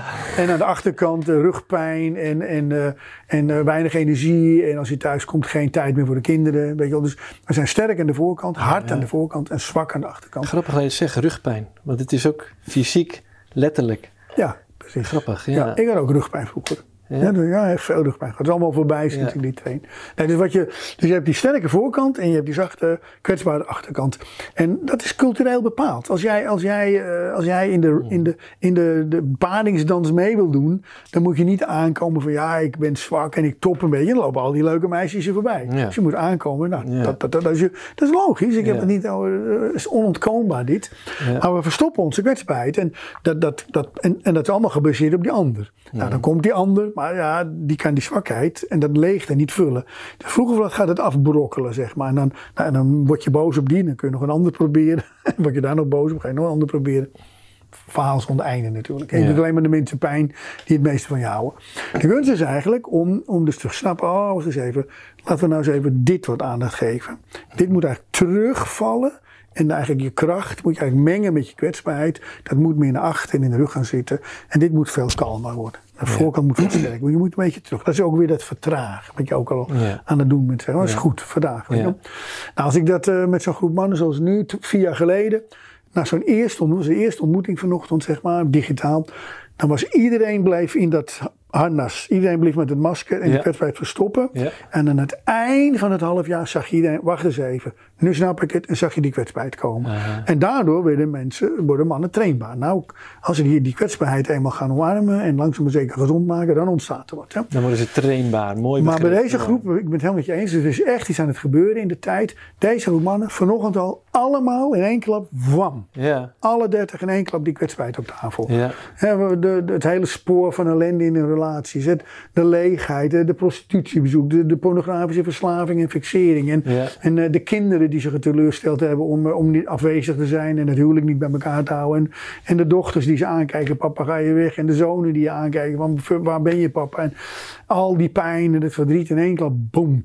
Nou, eh, ik, hij was echt impressed. Er is echt iets gaande momenteel in Ja. deze cultuur, waardoor mensen zijn ook al een hele tijd bezig met yoga en met mediteren en met zen-boeddhisme en ayahuasca snuiven en slikken en pillen erin en weet ik wat allemaal. Op elk niveau, ook We bedrijven. zijn de hele tijd bezig. ja. En, iedereen, ja, en iedereen begint ook wel door te krijgen. Maar dat kan zo niet langer met die onderbroeken van die secretaressenharnessen en zo. Het is echt wel een beetje voorbij nou, de tijd. Ja. En nou moet langzaam maar zeker al die meditatie en al die bewustzijnsontwikkeling... moet dat laatste stapje gaan maken. We moeten onze seksualiteit gaan trainen. Als je dat stapje niet maakt, is alleen maar tijdverlies. Ja, oh, ja, inderdaad. Nee, ik, ik had laatst, eh, ik geef wel eens mannencirkels bij mij thuis, Ja, al een paar jaar. goed. Gewoon voor, besloten kring. Mhm. En toen was ik laatst... Mooi werk ook. Hm? Dat is mooi om te doen, hè? Ja, prachtig. Maar ik eh, voel ook helemaal wat je zegt, dat soms gebeurt het en ik ben wel Ja, maar als, de kring, als de mannen zich veilig gaan voelen, dan ga je opeens, opeens komen die verhaal. Ja, en dat is wel heel lastig met mannen. Ja, nou, vanochtend was het dus in één keer. Ik had gewoon 30 mannen die in, Ja. binnen 30 minuten. En die waren allemaal nieuw voor je. Allemaal nieuw, ja. Allemaal Ja, maar- digitaal, doe gaan mee. Er zitten ook wel er zitten ook analoge trainingsdagen bij. Het is een heel half jaar programma, maar gewoon in één Ja. klap, boem. Ja. Nou, ik gaf, ik gaf alleen, toen ben ik een tijd of een maandje geleden gevraagd bij Ayuna, zo'n spiritueel festival, om daar een mannencirkel te houden. Dat heb ik nog nooit voor het publiekelijk gedaan, zeg maar. Ja, ja. Dus ik vond dat ook heel eng, echt spannend. Ik denk, ja, weet, je, weet ik veel wie daar naar binnen komen. Dus we zaten daar en ik eh, gewoon eerlijk gezegd van ja jongens, dit is waar ik sta. Maar er ontstond direct eigenlijk een, een veld van herkenning en kwetsbaarheid. Ik zat echt te kijken van jeetje. Ik, ik, ik kom uit best wel een harde, ik heb in Delft gestudeerd, lekker. ja natuurlijk. Maar ook het zakenleven. Ja. Ja, dat is gewoon echt die etalage aan de voorkant. Ja, het is een, het is een masker, het is een persona, een persoonlijkheid. En ik ja. weet ook, ik, kan, ik zou nooit meer terug kunnen naar die wereld, denk ik. Zeg Oh, maar, je kunt wel terug naar die wereld, maar niet meer van, met die uitgangspunten. Je, je, kunt, je kunt een hele kwetsbare, mooie, zachte kracht komen. Dat is de bedoeling. Het is niet de bedoeling dat we allemaal heel beteuterd erbij zitten. Ben je, ben je besopen? We moeten de planeet aanpakken. Het is echt van alles wat er moet gebeuren. Dus we moeten wel degelijk onze kracht staan. Maar niet meer met dat harde masker. We moeten- De rug moet sterk zijn. Voorkant moet zacht zijn. Ja. Gezond, gewoon fijn. Ja. Ja, en ik, en ik, zit, ik zit wel eens in een hotel bij mij in de buurt eh, te werken. Ja. En dan zie ik zakenlunches om me heen. en natuurlijk, ik zie de maskers. ja, natuurlijk. En ik denk, jeetje, ja, daar heb ik ook in gezeten. Ja, Ik zou dat echt niet meer zo ja, Nee. in mee kunnen Ja, gaan. op die manier ik zou je praten meer- over, waarom heb jij een masker op? Ja, nee, letterlijk. Ja, Want dat staat gewoon Ja. onze echte Ja. verbinding in de weg. ja absoluut. En Ja, Hoe kun je zaken doen zonder echte ja, verbinding? dat is niet alleen de zakenwereld. Dat is natuurlijk overal om ons heen nog steeds Ja. gaande. Ja. Ja. Maar goed, in die, in die mannencirkel dus, waar we ook op uitkwamen, is... ehm, het is eigenlijk een soort spi- Fibonacci-spiraal. Het, de, on- onze ontwikkeling. Hè? En de eerste stap eh, is eigenlijk eerlijke zelfreflectie. Gewoon heel eerlijk bij jezelf zijn. En je kan het op Mooi. 101 manieren invullen.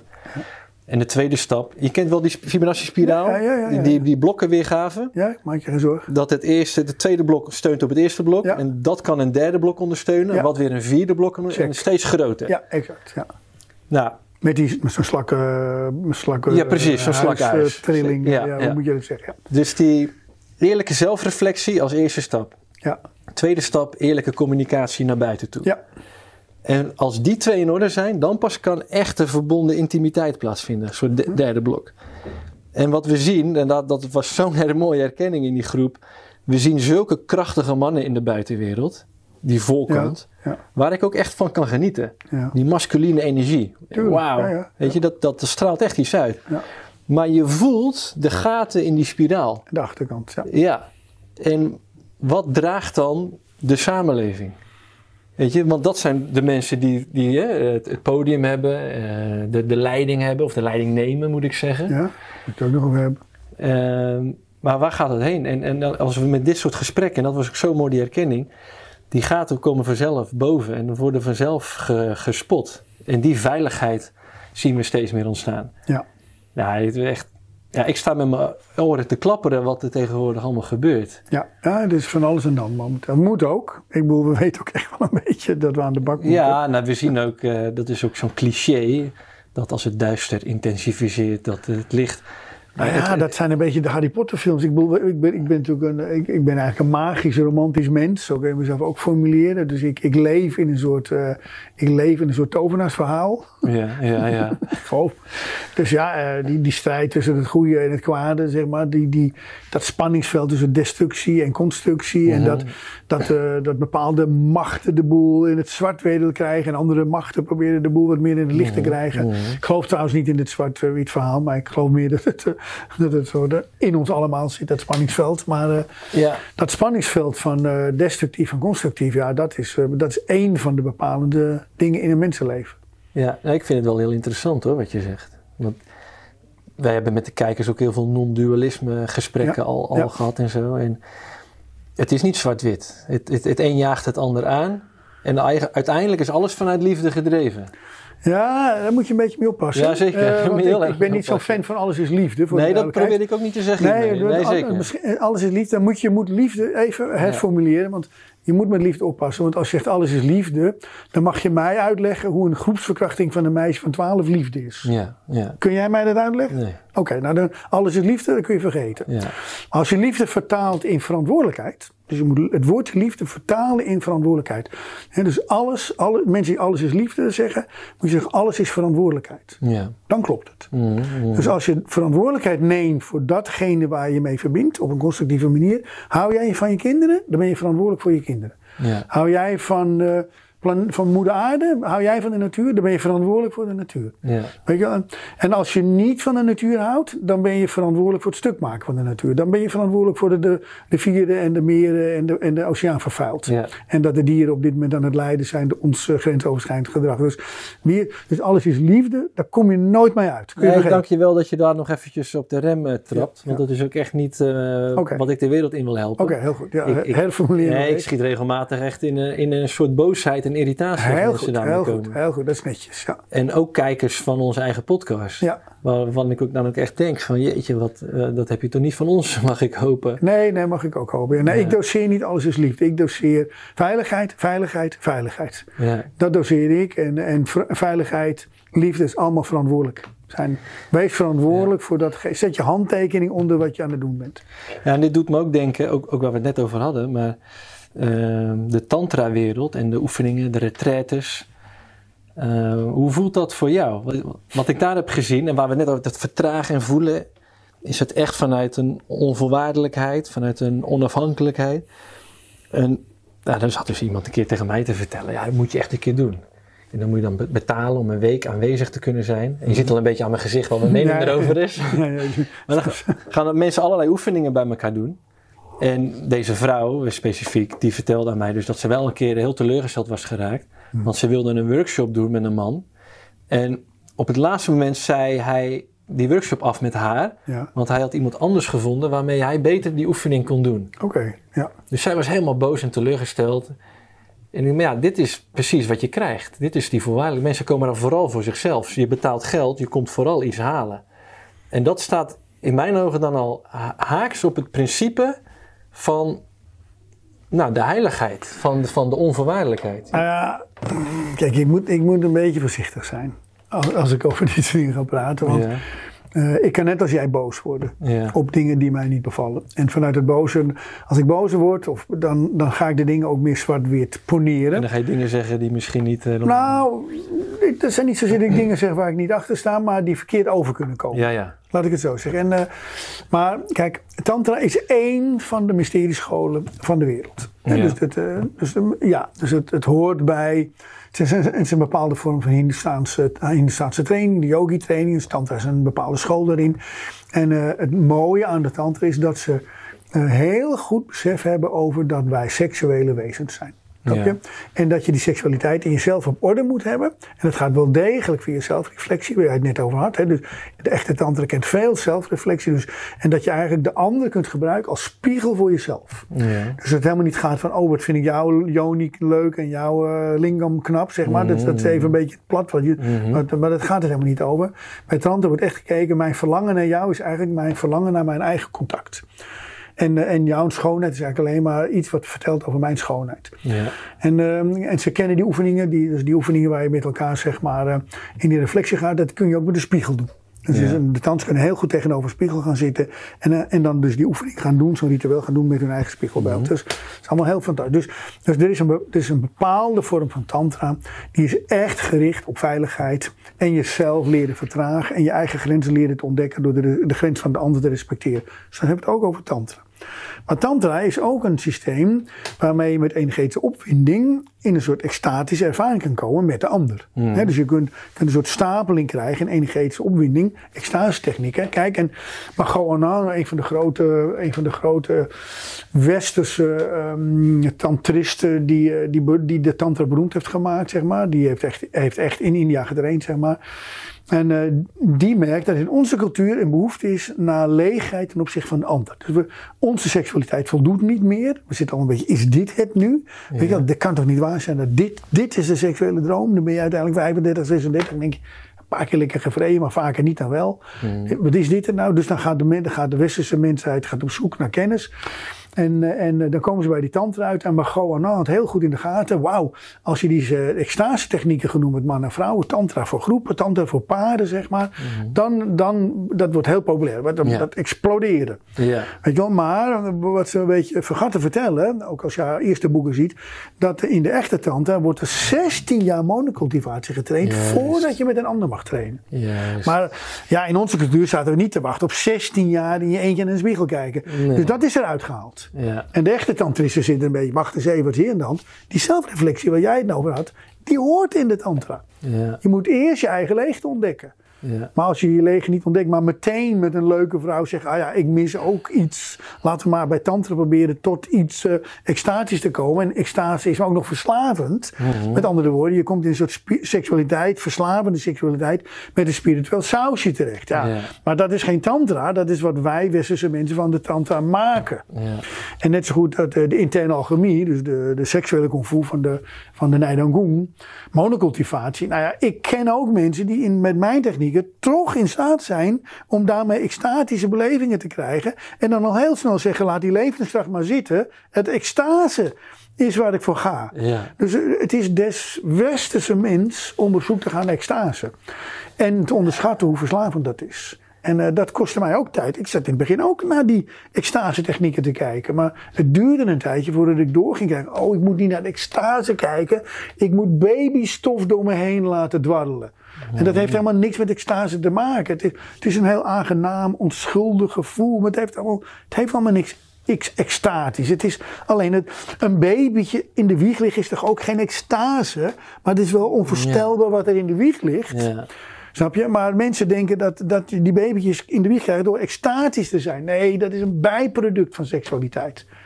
Hey, maar jij bent, het voelt voor mij behoorlijk uniek dat jij bent gaan doorpakken. Ja. In plaats van ben gaan settelen van. Want het is wauw. En dan moet ik Ja. toch ook aan je vader denken, die eeuwige drijfveer. Kijk, het is zo'n smal pad om op terecht te komen. En Ja. je komt van de ene kant, zeg maar. En het is zo makkelijk om een overshoot te hebben Ja. naar een volledig andere Ja, maar kant. ik, heb ook wel, ik ben ook wel een beetje links en rechts afgegaan natuurlijk, snap je? Nou ja, maar je blijft wel balans, terugbalanceren. Ja, ik, ik heb echt wel fouten gemaakt. Ja. Echt heel menselijk. Maar, nee, ik zou je niet maar- geloven als je dat niet zou zeggen. Nee, maar goed. Maar, maar dat is wel waar. Kijk, als ik dus als ik van mijn vader wil winnen, dan moet ik een goede tovenaar worden. Ja. En je wordt geen tovenaar als je in de extase blijft hangen. Dus Ja. stoppen. Weet je wel, wegwezen weer. Dan ga je daar kant. En dan kom je uiteindelijk kom je wat eh, ja, manipulatief vermogen kom je uit. En word je Ja. geen goede tovenaar. Maar Ja. stoppen, weet je wel. Dus, dus ik heb heel vaak die doodlopende stegen ingelopen. En weer terug. En weer terug. En weer terug. En uiteindelijk wordt het makkelijker, zeg maar. Dan, dan ga je, oh wacht even, nee, nee, laat maar zitten, laat maar zitten, laat maar zitten. Weet je, dat is niet daar naartoe, daar naartoe. En, eh, en dat daar naartoe, daar heb ik, dat is ook weer, dat krijg je voor elkaar met seksualiteit. Ja. Dus, dus, dus die extase, dat, ik heb niks tegen extase. Het is leuk, af en toe extase, je moet een beetje opletten, want het is verslavend. En, Ja. en het is tijdelijk. Je kunt je, je kunt je leegte niet vullen met extase, maar je kunt tijdelijk wel super dingen meemaken. En dat is iedereen ook gegund. Ik vind iedereen mag echt wel een keertje naar de kermis. Mag één keer per jaar naar de kermis, of af en toe een leuk, of, of, of drie keer per jaar, eh, olé, olé, zo weet je, door het café heen scharrelen.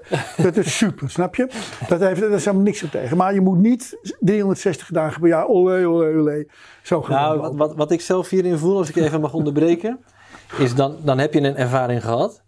En het voelt voor mij dan onnatuurlijk als ik het daarna weer op wil gaan zoeken. Die Ja, wil. ja, in plaats van dat ik het laat ontstaan. Ja, mooi. Daar zit voor mij het verschil. Nou ja, dat, dat is een- oké, check, goed. Wel dan. Dat, Ja, want het, daarom zit je hier een vermoedelijk ook. dogma. Oh, van ja. mag het maar drie keer per jaar naar de kermis. Ja. Nee, maar je mag voor mij alle dagen naar de kermis. Maar, maar wat levert dat op? Snap je? We leven Ja. een constructieve maatschappij. En we willen het hele onszelf naar de zin maken. Omdat we leeg zijn. Dus we zijn eigenlijk op zoek naar een permanente kermis. Maar, maar je kunt veel beter jezelf volmaken. En een soort permanent vakantiegevoel gaan leven. Dan denk je, nou ja, ik heb al die verleidingen, al die dingen niet nodig. Ik ben oké. Snap je? Dat, dat is beter. Ja. Maar nu even op het rechte spoor. Dus als jij, als jij eh, je bent, hebt in de buik van je moeder gezeten. Hè? Of in de baarmoeder. Hè? Dus eh, ehm, hoe heb je dat aangepakt eigenlijk? Hoe heb jij zelf van een klontje cellen die aan het vermeerderen waren. En dan wordt het een buisje en dan wordt het een Ja. visje en dan wordt het een, en wordt het een kip en dan wordt het een Ja, mensje. dat was een werk, man. Moet ik dat helemaal gaan uitleggen hoe ik dat gedaan heb? Nou, bij wijze van spreken, hè, is dat je overkomen of heb je dat, is, of heb je dat Ja, bewust aangestuurd? Helemaal overkomen, denk ik. Ja, dat is je overkomen natuurlijk. Ja. Maar wat interessant was je, wordt, je was, je ontstaat als die eicel en die zaadcel bij elkaar komen, boem, dan, ben jij er al in. En Mhm. iets in jou heeft dus dat begonnen met die celdeling enzovoort. En die heeft je rechtstreeks daar naartoe gebracht waar je moest zijn negen maanden later. Mhm. En als je eenmaal eruit kruipt, uit die vaginapoort, dan, dan kruip je rechtstreeks over de buik van je moeder naar de borst, waar moedermelk aankomt.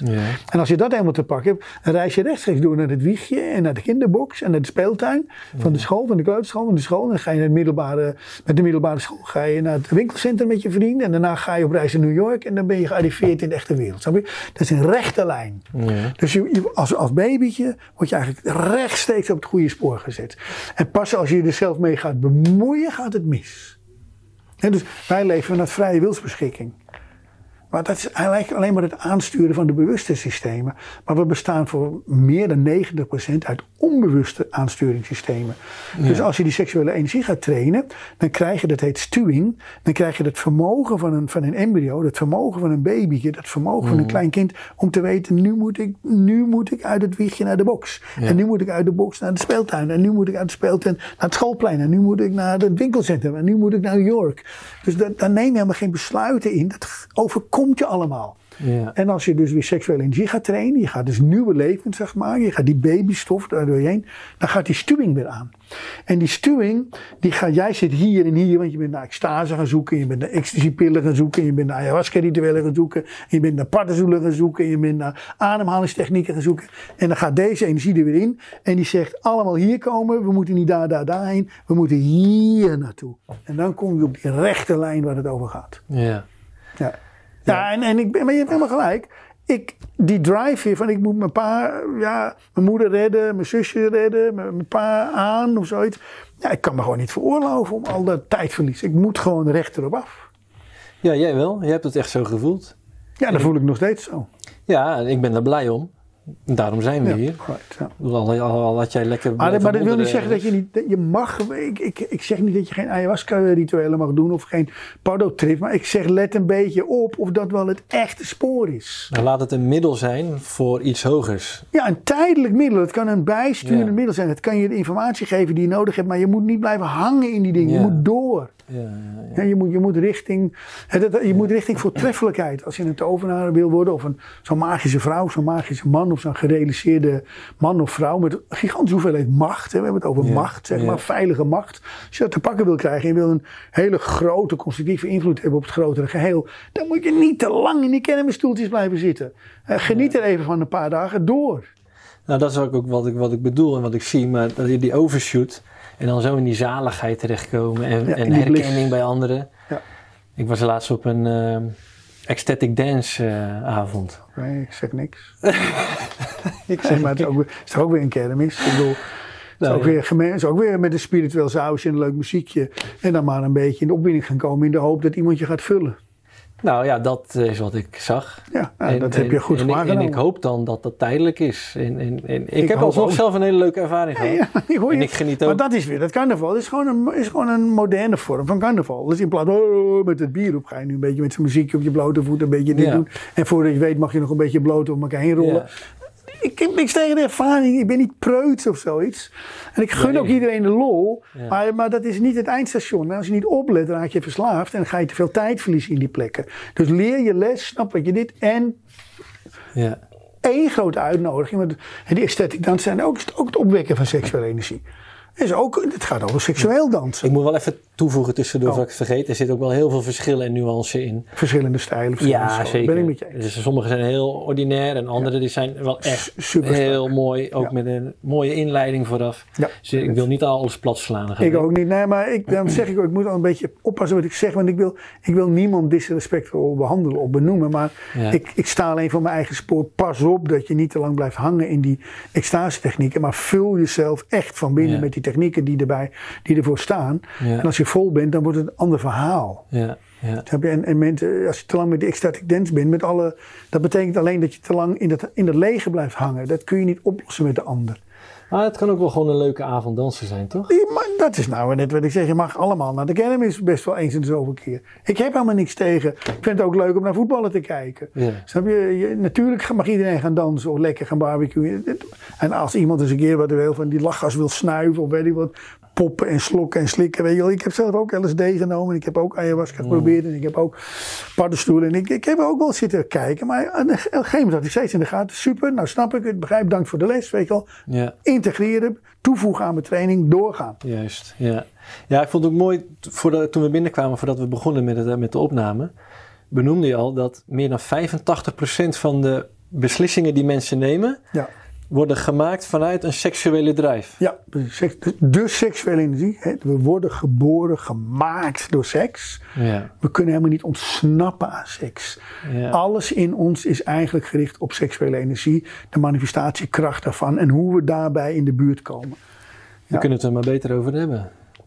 Nou, voor mij hebben we het al de hele tijd over seks. Maar Ja, ja, nee, nee, nee. Maar nee, ik bedoel ook van, het, het is gewoon essentieel. En dat voel ik ook, ook in mijn eigen leven. Als je als mens jezelf ontwikkelen, wilt ontwikkelen, je wilt bewustzijn ontwikkelen, je wilt spiritueel ontwaken. Mm. Ja. Maar je gaat je bekken en je, en je buik en je bekken niet in. Je gaat daar ook niet de bol op orde brengen.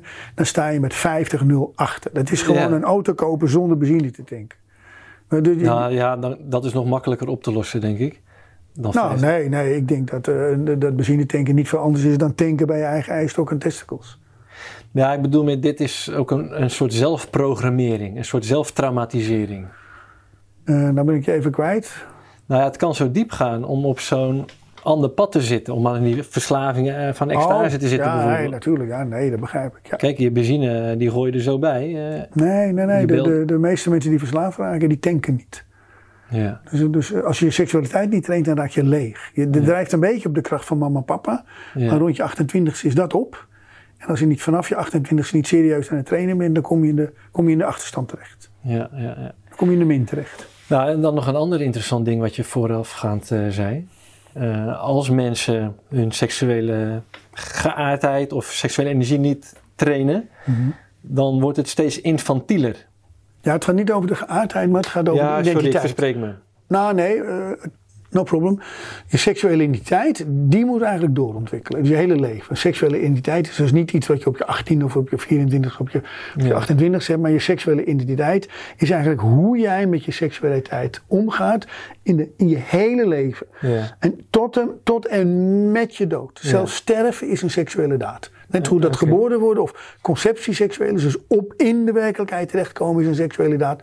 En sterven is ook een seksuele daad. Dat vind ik ook interessant. Ja, maar daar gaan we nu niet op. Maar we zijn, alles is seksueel. Is alles is seksueel, Ja. zeg maar. En eh, de, de kunst is om dat te gaan trainen. Mhm. Dat is te gaan trainen. Als je niet traint, alle andere dingen je doet, daar gaat het tempo uit. Kijk, Ja. denk nou even, we zijn nu een jaar of zeventig na de, eerste, na de Tweede Wereldoorlog. Nou, toen duurde nog even, zijn de hippies op gang gegaan. En zijn we begonnen hè, met, eh, met het zen-boeddhisme en het boeddhisme en de, en de yoga. En de tantra kwam er op een gegeven moment bij. En, en de ayahuasca kwam erbij. En de, en de amazone en de paddenstoelen. En, en daar kwam het allemaal. En ademhalingstechnieken en meditatietechnieken. En eh, allemaal bewustzijn. En bewustzijn ontwikkelen en spiritueel ontwaken. Oké.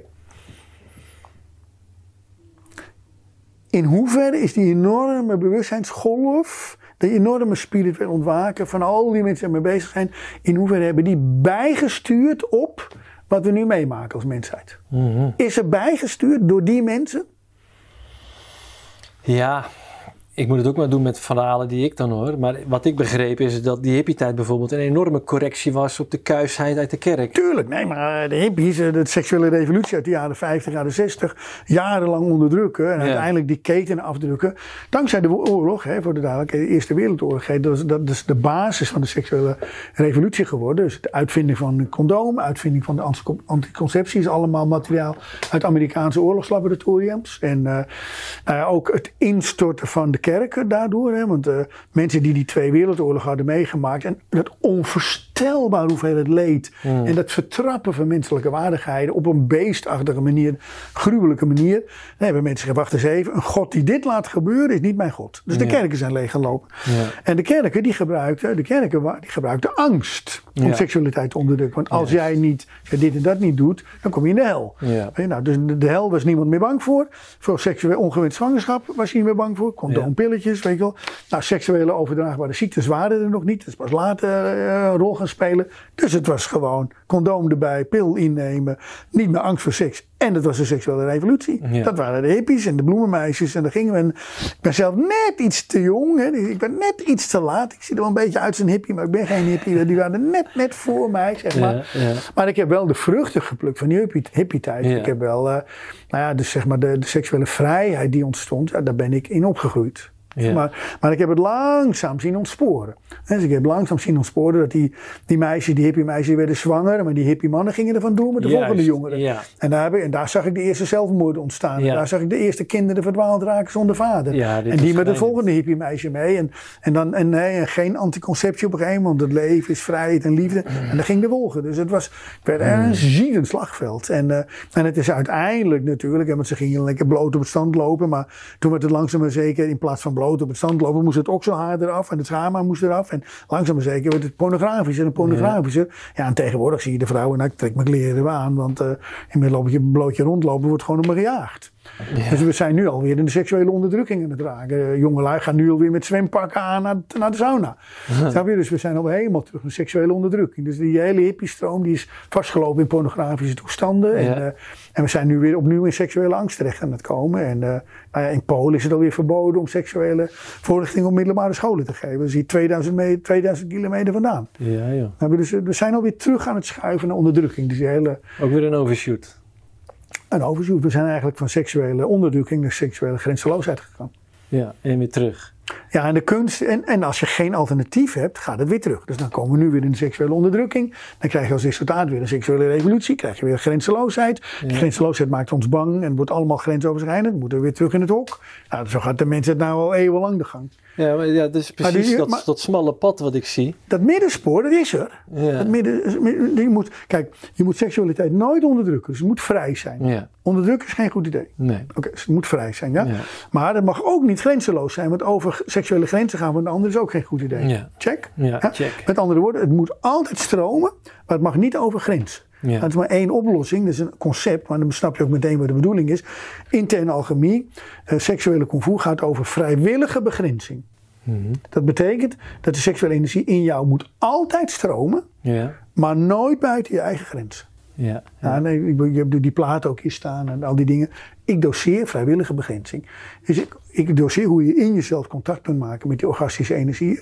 Hoe je die vrij kunt laten stromen zonder angst en zonder preutsheid of zonder gewoon seksualiteit moet stromen. Maar het stroomt in mij, achterlangs omhoog, voorlangs naar beneden.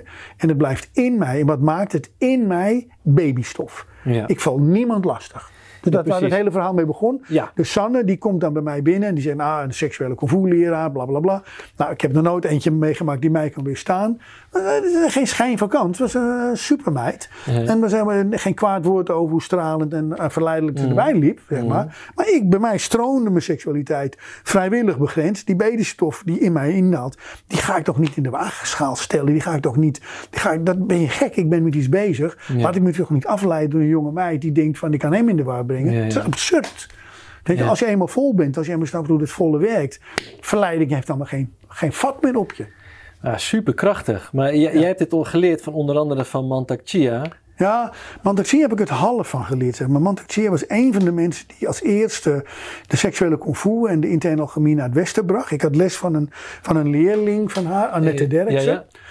En ehm, uiteindelijk heeft Annette mij ook in contact gebracht met Mantak. Ik heb in totaal denk ik iets van 14 jaar bij Mantak Chia gestudeerd. Ik heb anderhalf jaar bij hem in huis gewoond ook. Hè. Dus Ja. ik ben echt, eh, ik dacht dat moet ik allemaal leren. Ik ga gewoon recht erop af. Ik ben helemaal ingedoken. Eh, ik ben ook senior instructor geworden in zijn systeem. Dus ik ben Healing Tao, senior Healing Tao International Instructor. Maar op een gegeven moment begon ik te zien dat hij, eh, hij begon te vallen zoals het heet. Dus hij, ik heb hem nooit kunnen betrappen op seksueel grensoverschrijdend gedrag naar leerling of deelnemers van zijn cursussen. Ja. Nooit. Dat heet spying the teacher in de, in de training. Dus als jij, eh, als jij bij een guru of bij een mentor of een mentrix gaat trainen, iedereen heeft mooie babbels. Ja. Iedereen heeft mooie babbels. Maar dat is prima, daar kun je ook een heleboel dingen van leren. Maar een goede leraar geeft je ook de kans om te kijken wat er in de prullenbak zit. Zit er misschien een porno-magazine in de prullenbak? Zit er misschien condooms in de prullenbak? Zeg je nou, wat is nou tegen condooms in de prullenbak? Maar zijn vrouw is gesteriliseerd. Waarom heeft hij dan condooms in de prullenbak? Dan je, dus dat heet spying the teacher. Dus een goede leraar geeft je de kans om dichterbij te komen. En achter zijn verhaal te kijken. Mooi. En, eh, en dat wist ik. Ik ben goed getraind. Dus voordat ik bij Manta kwam, wist ik al spying the teacher. En eh, ik heb echt veel van hem geleerd. Maar ik heb ook geleerd dat hij aan de achterkant eh, niet strak was. En wat ik hem, hij heeft uiteindelijk een complexe scheiding meegemaakt met Manuan, zijn vrouw. En eh, de, de vrouw waar hij zijn eerste kind mee gehad heeft. En daarna, en dat was terwijl ik woonde op zijn compound. Ik was gewoon aanwezig. daar, Gewoon zelf met eigen ogen gezien. Kwam hij thuis met meisjes van 16, 17, 18 jaar. Waar hij seks mee had en die ook zwanger maakte. En daar heb ik hem ook op aangesproken. Ik ben gewoon, nou, hey, luister man, het is allemaal leuk en aardig dat je grootmeester bent in de seksuele kung fu. Maar dit kan niet. Ja. Je kunt niet op jouw leeftijd, hij is 12 jaar ouder dan ik. Als ik was toen 40, zoiets, weet je wel. Je kunt niet op 52-jarige leeftijd, als je een man bent die seksuele fu in de hele wereld doseert, kun je niet met meisjes van 16 thuiskomen. En eh, dat, dat heb ik ook niet eh, alleen met hem hoor, gewoon aan het publiek met andere seniors erbij. Ik ben gewoon gaan staan, luisteren. En toen ging hij huilen. En ik was een beetje huilen, wat nu weer? Hij zei, ja, ik heb toch ook recht op een beetje levensgeluk. En dat was, en toen, ja, ik kan de compassie wel voelen van, ja, hij is eenzaam en is alleen. Maar dan heeft hij zijn eigen lessen niet begrepen. Nee, ja. Snap je? Dus, en dat was het moment dat ik zei, oké, nou moeten we even voorzichtig zijn. Dus eh, alle respect. Ben ik achteruit gestapt en ben ik China ingegaan. En ben ik op zoek gaan nog veel diepere manieren van trainen. Waar Mantak het vandaan heeft gehaald, ben ik het ook gaan zoeken. En ben ik ook veel dieper in gegaan. En ben ik ook gaan uitzoeken, hoe kan het dat Mantak met al deze dingen toch met meisjes van 16 mee naar huis Ja, gaat. ja. Snap je? En dat, nou ja, dat heeft mijn leergang enorm verdiept. En daar heb ik ook. Dus toen Sander bij mij kwam, toen had ik dat al scherp. Ja, ik vind het prachtig. Ik ben je ook dankbaar dat je zo doorpakt. Oké. Dat is ook wat we met Lumens voor ogen hebben. Naar het fundament gaan. En niet weer in een halve waarheid eh, of in een nieuwe matrix vervallen. Weet je, maar ja, ga er maar aan staan. Maar hoe je het allemaal vertelt, klinkt eenvoudig. Ja. Hè? Nou ja, waarom zou ik mijn babystof aan iemand anders... eh, maar Ja, of niet, letterlijk... niet met babystof. Je bent toch, dat is het meest kostbare wat je kan maken als ja, mens. ja, maar het klinkt heel logisch. Dan ga je dat toch niet verkwanselen omdat er een leuke Ja. meid komt binnenlopen. Ja, eens. Maar ja, je ziet praktisch niemand daar echt helemaal trouw aan zijn. Ja, nou ja, eh, dat is jullie probleem. Maar dat komt omdat jullie te veel met die zijpaarden bezig zijn. Wie zijn jullie? Iedereen. Ja. ja, wel mooi dat jij dat kan zeggen. Tenminste, maar ben, Maar je, dat daar is wel nooit, ben je daar nooit afges... Wel, wel. Ik, heb, oh, ik ken die zijpaarden. Ik, ben, ik heb maar ook gescharreld. Voor, maar oké, maar zeg maar de laatste tien jaar. Zeg maar, je bent nou echt... Nee, het, dat is een proces wat eeuwig doorgaat. Dus je, wordt, Ja, ja. je wordt steeds een beetje tempted, zou ik zeggen. Ja. Maar kijk, ik ben al heel lang. Ik ben, al, ik ben al heel lang dat ik niet meer in de buurt kom van die onderbroeken van die, van die leerlingen of zo. Snap je? En Ik- 16-jarige meisjes neem jij ook... wel- Gegarandeerd geen probleem. Ik heb geen, Nee. Maar je, bij wijze van spreken, kom bij mij in huis wonen. En je zult geen 16-jarige meisjes ontdekken oh, die met mij... the teacher, dus je weet niks... Spying the teacher, ik, ik bedoel jij er niet en de mensen die het horen denken, ja hoe kan ik dan bij Rijnland spying the teacher doen? Maar ik heb mensen in mijn omgeving, die geef ik gelegenheid om spying the teacher te doen. Die zijn, Ja. komen bij mij thuis, die zien mij op momenten Ja. dat ik misschien wat zwakker ben of dat de druk enorm is of dat ik ook eh, een beetje beteuterd erbij zit omdat ik iets hoor van iemand die iets ergs meemaakt. Dus die zien me, die weten, die kennen me ook met zwakke momenten en die zien mij niet met die leuke meisjes vandoor gaan. Dat is, Nee.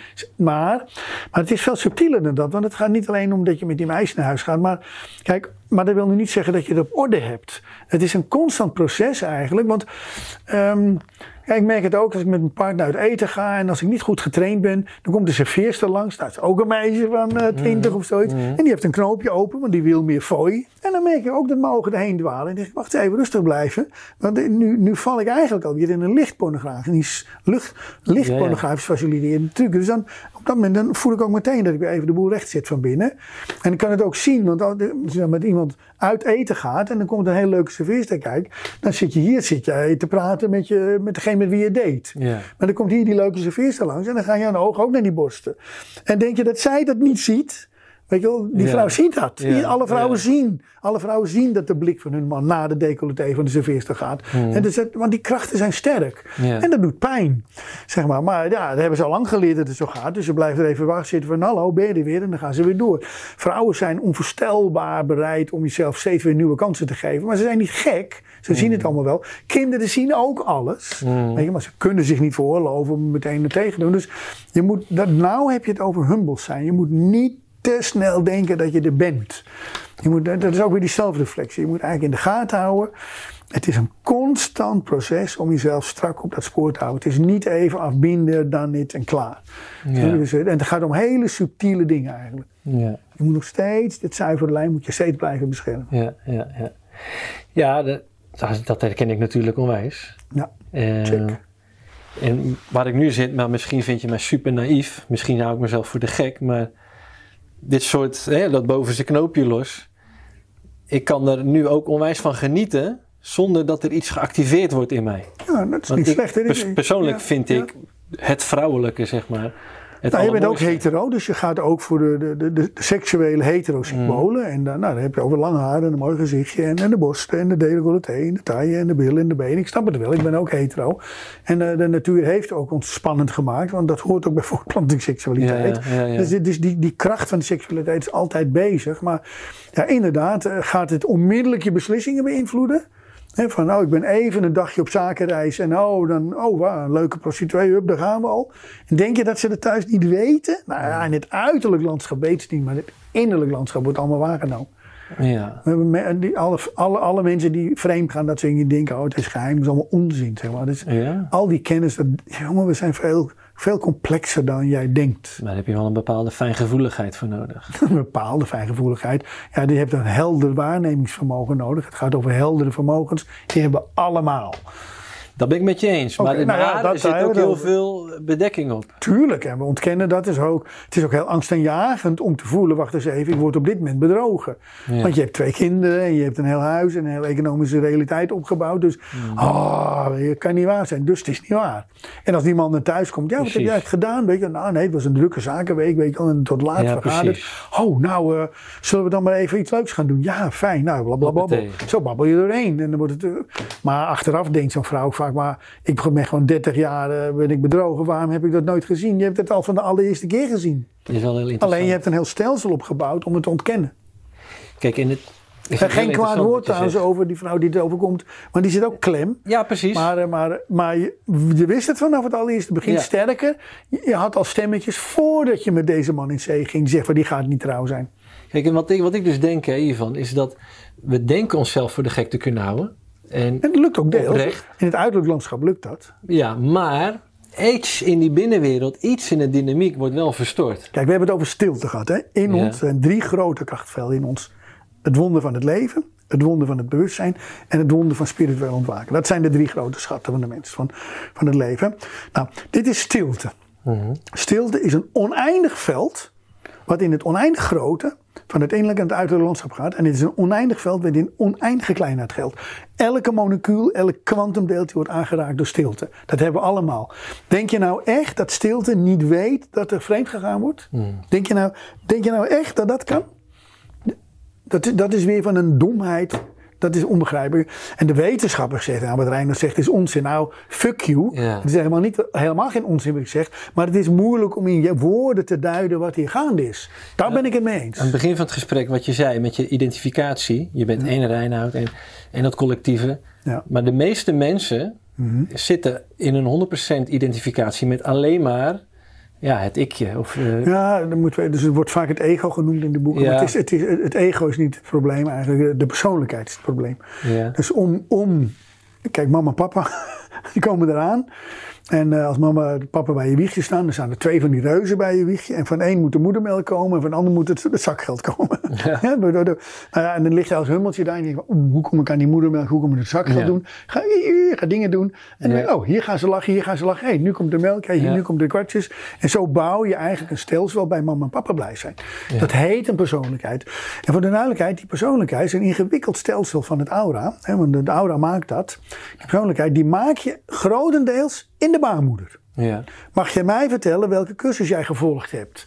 Als je dat in de baarmoeder kan. ja. Snap je? Je persoonlijkheid wordt gemaakt in de baarmoeder. Hoe de fuck kan dat? Snap je hoe super intelligent eh, dat proces in die baarmoeder is? Dus dan, als je er tevoorschijn komt, dan staat 95% van je persoonlijkheid al klaar. Ja. Die gaat mee aan de gang. En het moet ook een persoonlijkheid hebben. Want anders gaan papa en mama gaan raar niet kijken. Dus je moet die onveilige fase van die afhankelijkheid naar je ouders moet je door. Door je ouders tevreden te stellen. Maar uiteindelijk gaan die ouders kleiner worden. Niet omdat zij kleiner worden, maar jij wordt groter. Ja. En uiteindelijk worden die godsafschootbeelden die worden klein. Op een gegeven moment word je groter, mama en papa. En dan denk je, wacht eens even, ik kan het beter. Ja. Maar dan ga je met je persoonlijkheid, loop je langs papa en mama. En dan ga je met die persoonlijkheid de wereld in op zoek naar mama en papa. Die enorme grote krachten. De afgodsbeelden. Ja. De autoriteiten. De mensen waar we echt, oh daar vinden we dat weer. Dan gaan we met onze persoonlijkheid weer naar die mensen toe. Of naar die idolen toe. Of naar, naar dat soort dingen toe. Of naar die goden toe. Ja. Maar in feite loop je met een systeem wat bedoeld is voor je jeugd. Je volwassen leven in. Nou word je infantiel. Dus als je je kinderlijke strategie meeneemt in je volwassen leven, als je je persoonlijkheid niet aflegt, als jij met je persoonlijkheid je volwassen leven inloopt, dan werkt alleen als de werkelijkheid gaat werken als papa en mama. Denk je dat de werkelijkheid daar zin in heeft? Heeft jouw vriendin zin om mama te zijn? Heb je- Hebben jouw vrienden zin om jouw papa te zijn? Nee. Dus ik heb een gigantische weerstand komt er op jouw plan om de wereld te veranderen in papa en mama. En nou wordt het zwaar. Als je nou die persoonlijkheid aflegt, die moet je terug laten verdampen in het aura. En daarvoor een nieuwe, zeg maar, volwassen, eh, eh, volwassen systeem terugzetten. Wat omgaat met de wonden van het leven zelf. Nou wordt het interessant. Als je dat niet doet, dan word je infantiel. Als je infantiel wordt en dan ook seksueel niet getraind wordt, nou word je een seksuele kracht die infantiel is. Ja. Nou wordt het gevaarlijk. Ja. Dus eigenlijk zou je al die mensen die hun persoonlijkheid meenemen en die hun seksualiteit meenemen ongetraind in het leven, die zou je eigenlijk allemaal geen eten meer moeten geven. Geen? Geen? Geen eten meer geven, want Nee. het is zeer gevaarlijk. En nou hebben we het over 8 miljard mensen die dat doen.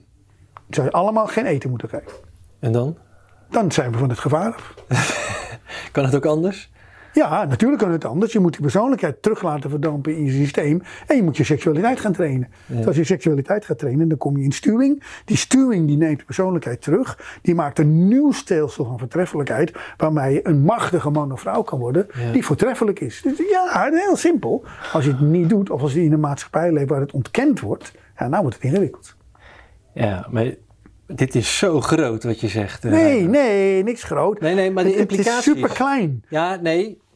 Hè, dat snap ik. De, wat, je- wat, je, wat je ziet, de, de, de, stappen. Het, de oplossing zit, is heel dichtbij. Ja, dit is, dit is heel goed eens. mogelijk. Kijk, ik vertel, anders wordt iedereen wanhopig. Als iedereen denkt, oh, ik moet mijn persoonlijkheid moet ik terugverdampen in mijn oude. En oh, ik moet geen infantiele strategie, maar ik moet een volwassen strategie bouwen. Ik weet niet hoe het moet, weet je wel. Ja. Je hoeft ook niet te weten hoe het moet. Je moet luisteren naar de juf.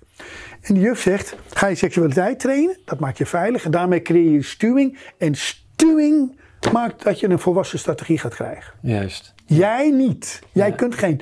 Toen jij in de baarmoeder zat, jij wist niet hoe je die persoonlijk maakt. En je weet nu ook niet hoe je een volwassen strategie gaat maken. Je weet het helemaal niet. Het is veel te diep in het wonder van jezelf. Maar je moet de mechanismes aanzetten die dat proces op gang krijgen. En dan is het makkelijk. Het gaat vanzelf. Dan volg je die stuwing. Ja. Ja. Ja, je volgt die, die stuwing maakt dat jij in beweging komt op de goede manier. Ja, ja. Nee, waar ik heen wilde met die grootsheid is. het impliceert enorm veel wat je zegt. Ja. Want ook de relatie met vader-overheid bijvoorbeeld. Mhm. Weet je, ja, het is gewoon een giftige relatie. We, we, we zien hoeveel er gelogen wordt en misleid wordt.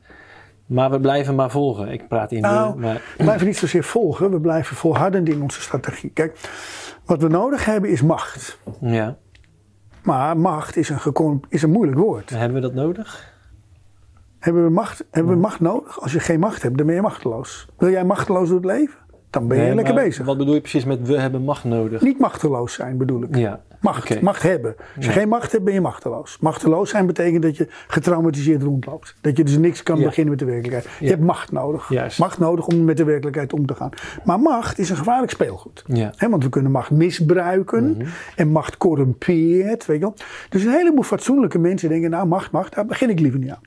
Dus nee, mijn macht, ik neem mijn macht niet tot mij. Dan schuift die macht de straat op. Ja, En dat doen heel veel mensen. Heel veel mensen trainen hun macht niet. Ja. Die blijven dus onmachtig. Ja, ik weet ook niet wat ik moet doen. Ja, ik ben ook maar een klein mensje in het grote geheel. Ja, lekker dan. Daar zitten ze dan. Maar daarmee geven ze hun macht weg. ja, Nou komen er andere mensen langs. De onfatsoenlijke mensen zeggen, hé, hey, hier ligt allemaal macht op straat. Geef mij die macht maar. Dus de, dus de fatsoenlijke mensen zeggen, nee, nee, nee, macht is gevaarlijk, laat maar. En de onfatsoenlijke mensen zeggen, nou, daar komt goed uit. Ja. Ik kan wel wat gebruiken. Ja. Dus de mensen die dus al die macht in handen hebben en altijd machtsmisbruik aan het uitoefenen zijn, dat is jouw macht. Dat is Ja. onze macht die wij niet beheren. Als mensen gewoon hun eigen macht gaan trainen, 8 miljard machtige mensen, dan is er toch niks over voor de onfatsoenlijke mensen. ja, Dan, dus dat dooft meteen uit. ja, Maar als wij onze macht niet pakken, ja, nou, dat, lekker dan. ja. Mij, dan zijn we lekker bezig. Maar ik, ik doe het maximaal om aan macht te komen. Kijk, en we worden er ook bewust van doordat er misbruik gemaakt wordt. Ja, nou ja, machtsmisbruik, dan, dan ga je pas zien hoe ingewikkeld het is. Maar de mensen die dus niet, die geen geweten hebben, die pakken het rustig mee. Maar de mensen met een geweten die zeggen, nou nee, het is ingewikkeld. Ja, niet ingewikkeld. Je bent verplicht om die macht te ontwikkelen en Ja. aan te pakken. Ja, en dat zet vervolgens zoveel aan, waaronder hè, deze podcast. En, hè, want we, we willen dit niet. Nee. En dus gaan we aan de slag en dan gaan we graven. En dan komen we dit soort realisaties uit, die zo groot zijn, zoveel mooier dan dat we ooit hadden durven dromen. Ja, ja, eigenlijk dus het machtsmisbruik van de, van de politieke en economische leiders, laten we het even zo zeggen. En de farmaceutische en de gezondheidszorg. Alle, al, dat zijn al die, al die mensen die daar de macht hebben. Los van een paar mensen die wel met goede bedoelingen erin verdwaald Ja, ja. raken. Maar je ziet gewoon dat er een cultuur ontstaat van gewoon graaien, machtsmisbruik, Ja. eh, gebrek aan medemenselijkheid. En dat het op een manier, eh, het wordt een helse toestand op dit moment. Ja. En dan kun je wel tegen hun zeggen, ja dat zijn die mensen die dat doen. Maar ho, ho, ho, die macht hebben wij ze gegeven met z'n allen. Ja. Dus de mensheid moet gewoon zijn macht weer pakken. En hoe doe je dat? Seksualiteit trainen. En je, je infantiele persoonlijkheid terug laten vallen in het oude. Door stuwing te gebruiken. Boom on the road. Ja, ja, ja. Dus waarom ik zo kritisch kan zijn op ons allemaal. En zo'n grote bek heb. Omdat ik ook het antwoord heb. Ik, weet, ik, weet, ik weet hoe je hieruit komt. ja, ik zie het. Ja, en als je seksualiteit, en het is jouw seksualiteit die voor jou die macht oplevert. En, en die van jou, en die van jou, en die van jou, en die van jou. Het is je eigen seksualiteit, omzet in levenskracht, stuwing creëren. Het is allemaal van jou, in jou te vinden. En je bent on the road. Ja, Klaar. ja. En wat je er verder mee doet, het zal maar worst zijn, want iedereen komt vanzelf op een goede plek uit. Ja, te gek. Ja, ook eh, wat je net zei over eh, de, de machthebbers, machtnemers. Ja, mag is ook een mooi bruggetje Machtkrijg, machtkrijgers. Ja, een mooi, mooi bruggetje waar ik net al heen wilde. Ja. Voor ons gesprek vertelde je al over die afbeelding daar. Ja. En als het, de seksualiteit niet getraind wordt, Ja. over dat infantiele, dat er dan een drang ontstaat naar steeds jongere partners. Ja, Kun, je- kun je dat Ja. nog eens uitleggen? een spanningsveld van steeds jonger en steeds ouder. Hè. Het heeft eh, het Ja. gaat twee kanten op natuurlijk. Want Ja. hebben vorig jaar ook twee podcasts aan gewijd. Aan ja, systematisch kindermisbruik. Ja. En, ik- En systematisch ouderenmisbruik. Het het gaat altijd samen, voor de duidelijkheid. Maar ja, nee, maar vertel, want ik, ik, ik zie, ik zie hier wel erg Oké, als, je, als, je, als je seksualiteit niet traint, hè, dan betekent eigenlijk dat je vast komt te zitten in een soort beleving van 18-jarige, 24-jarige seksualiteit. Dus je krijgt een soort seksuele identiteit die makkelijk functioneert, ondanks trauma en ondanks allerlei problemen rond je 18e tot, 8, tot 24e. Zit een beetje op je seksuele top waar alles vanzelf gaat. Met al de nodige problemen erbij trouwens. Maar anyway. En eh, in onze cultuur zie je een beetje dat, die, dat, die, dat, dat bij die persoonlijkheidsstrategie en die, die seksuele identiteit die erbij hoort, ja, die fixeert. Ja. Met andere woorden, niemand gaat zijn seksualiteit doorontwikkelen door te trainen en door die strategie te verrijken. Maar die gaan vasthouden aan dat gevoel. Ik moet 24 blijven. Hè? En dat kun je doen door, eh, door de boel wat eh, te shiften. En dat kun je doen door wat pillen te nemen. Dat de erectie wat langer eh, 24 blijft. Er zijn allerlei hulpmiddelen. Maar we proberen dus op die leeftijd te blijven. Want de echte leeftijd groeit door. Ja. Ja? En onze eigen seksualiteit, die hoort bij dat doorgroeien. Dus leeftijdsgerelateerde seksualiteit, dat doen we niet. We trainen er niet. Dat betekent dat we eigenlijk blijven hangen op een veel jongere seksuele beleving dan we qua leeftijd zijn. Ja. Dus als je straks op een gegeven moment 40 bent, ben je 40, en je kijkt naar een vrouw van 40, dan denk je, ik, ik, ik vind de vrouw van 40 helemaal niet interessant. Dan kijk je naar beneden, ik vind de vrouw van 24 interessant. Dus dan dump je die van 40 en dan ga je proberen die van 24 te vangen. Die van 24, die is ook niet, eh, die is ook niet goed bij, want die denkt, nou jongens van 24, denk, dat zijn een beetje grofferik allemaal, die hebben ook weinig te vertellen. Die kijken naar, vanuit die infantiele seksuele energie naar, ik zoek iemand die een beetje op papa lijkt. Dus die gaan kijken naar een man van 40. Je ziet de mannen van 40 en de vrouwen van 40 zien elkaar vinden. Maar dat naar beneden kijken is eigenlijk het activeren van een pedofiele dwang. Ja. Snap je? Maar dan ga je uiteindelijk merken dat het ook niet werkt. Dus dan ga je uiteindelijk ga je naar 16 zoeken. Ja. En dan ga je ook merken, gaat het ook niet werken. En dan ga je naar 8 zoeken. En uiteindelijk kom je uit bij baby's. Ja. Maar dat is dus niet, dat is niet, dat is niet één of twee mensen die toevallig die tendens hebben. De hele mensheid is met die is tendens het mechanisme. En dan zie je ook 24 24-jarige vrouwen zie je niet meer naar 40-jarige mannen kijken, maar naar 60-jarige mannen kijken. En uiteindelijk krijg je meisjes van 18 die met Berlusconi trouwen, die drie dagen voor ze dood trouwen. Ja. En uiteindelijk dan ze vermogen krijgen. Ja. Maar, maar dat is, dat is, dat is hè, dus pedofilie, dat is één spoor. Maar tegenover pedofilie, dus houden van, hè, dus een aantrekkingsdwang hebben naar steeds jonger, staat een tegenovergestelde kracht van aantrekkingsdrang naar steeds ouder. Ja, dus pedofilie is eigenlijk naar het hele jonge gaan en necrofilie is eigenlijk naar het steeds oudere gaan. Zo liggen meisjes van 24 in bed met mannen van 70. Ja. Je wilt als meisje van 24 niet bij een man van 70 in bed liggen. Dat is een half lijk. Ja. Dat is necrofilie. En je wilt als een man van 74, wil je niet in bed liggen met een meisje van 24, want je kleinkind. Je, je bent bijna 70, hè, Reinhard? Ja, sorry. Ja. Dus Nee, nee, ja. nee, maar oké. maar, nee, maar ik wil niet in bed liggen bij 24-jarige kinderen. Ik wil in bed liggen bij, als ik bij iemand in bed lig, van iemand van mijn eigen leeftijd. En dat lig ik ook. Ja. ja. Nee, ik bedoel, je bent bijna 70. Ja, ik ben Je bent, niet 67. bijna, je bent niet een half lijk. Dat bedoelde ik. Nou, nee, maar eh, ik zal je de kost geven, mannen van 70 die een half lijk zijn. Ja. En eh, ook ik ben voor een vrouw, een jonge vrouw van 24, ben ik een half lijk. Kan je kletsen wat je wil, maar ik Ja, weet heel ja. goed dat als hij mij kijkt met zijn opa wil ik niet in bed liggen. Nee, nee. Gekkigheid. Je hebt helemaal nee, gelijk. maar, nee, ik zie helemaal wat nee, maar je bedoelt dat ik nog wel, er zit nog wat sap in mij, maar, maar voor een meisje van 24 ben ik een, oude, ben ik een half lijk. Ja, ja. Nee, maar dit, dit, ja, ik ben echt heel blij met wat hier allemaal eh, gebracht wordt. Oké, Dus je moet leeftijdsadequate seksualiteit ontwikkelen. Het is super mooi om als man van 70 een partner te hebben, vrouw of een man, maakt mij niet uit wie, die net als jij dezelfde verhaal heeft meegemaakt, die dezelfde riempels heeft, die ook moe is, die ook, die ook gewond is door de battle van het leven. En waar je bij elkaar kunt zitten van wauw, wat een avontuur. Het is Ja. onzin om met een meisje van 24 te gaan zitten. We houden zoveel van elkaar, dit is ware liefde, haha. Alleen, alleen, alleen, alleen mensen die niet weldenkend zijn, kunnen die fantasieën in hun leven houden. Ja, ja, Het, het alleen maar ellende levert het op. ja, ja. En, en verder groeiende infantiliteit. Het voelt alsof we een sleutel gevonden hebben. Zo voelt het voor mij. Toen ik dit ontdekte, en ik was 31 toen ik ontdekte, en toen ik 40 was begonnen, begonnen de kwartjes te vallen, begon ik het te snappen. En dat was ik aan het leren om zelf tovenaar te worden. Ik had een individueel eh, belang hierbij. Ik was bezig om tovenaar te worden met de onderliggende dwang misschien om mijn vader ooit nog eens te beteugelen, whatever, weet je wel. Maar het was een persoonlijk verhaal. Maar toen ik dit begon te ontdekken en de kwartjes begonnen te, te, te- begonnen te vallen, toen dacht ik, wacht eens even. Eh, mensen die niet trainen, die dus in het uiterlijk landschap blijven hangen, die leeg worden, die met een infantiele strategie de werkelijkheid ingaan, met vanuit een behoeftigheid en vanuit seksuele dwang, omdat die niet getraind zijn, die worden gevaarlijk. Ja, En toen dacht ik, maar dit doet iedereen. ja, Met andere woorden, volgens mij wordt iedereen gevaarlijk. ja. En dan als je dan kijkt, maar wacht even, nu snap ik waarom de mensheid zo gevaarlijk is. Juist. Want de mensheid als geheel traint het niet. En toen is ook weer zo'n moment in mijn leven geweest. Ik dacht van, wacht even, ik moet terug naar Nederland. ik, ik, ik, ik ben echt gestopt met tovenaar worden toen, dacht ik. Ja, Ik moet terug naar Nederland. Ik moet dit uitleggen. Ik moet de mensen vertellen, jullie moeten allemaal gaan trainen. Wat ik geleerd had om tovenaar te worden.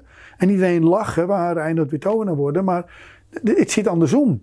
Iedereen die geen tovenaar wil worden, die maakt een fout. ja, En je moet dit gaan trainen. En als we allemaal veilig worden, allemaal weer veilig en allemaal in die sturing komen, allemaal machtige, veilige mannen en vrouwen worden, dan krijgen we die planeet in no time weer op de rails. ja. Snap je? Dus ik ben teruggekomen om dit aan jullie te vertellen.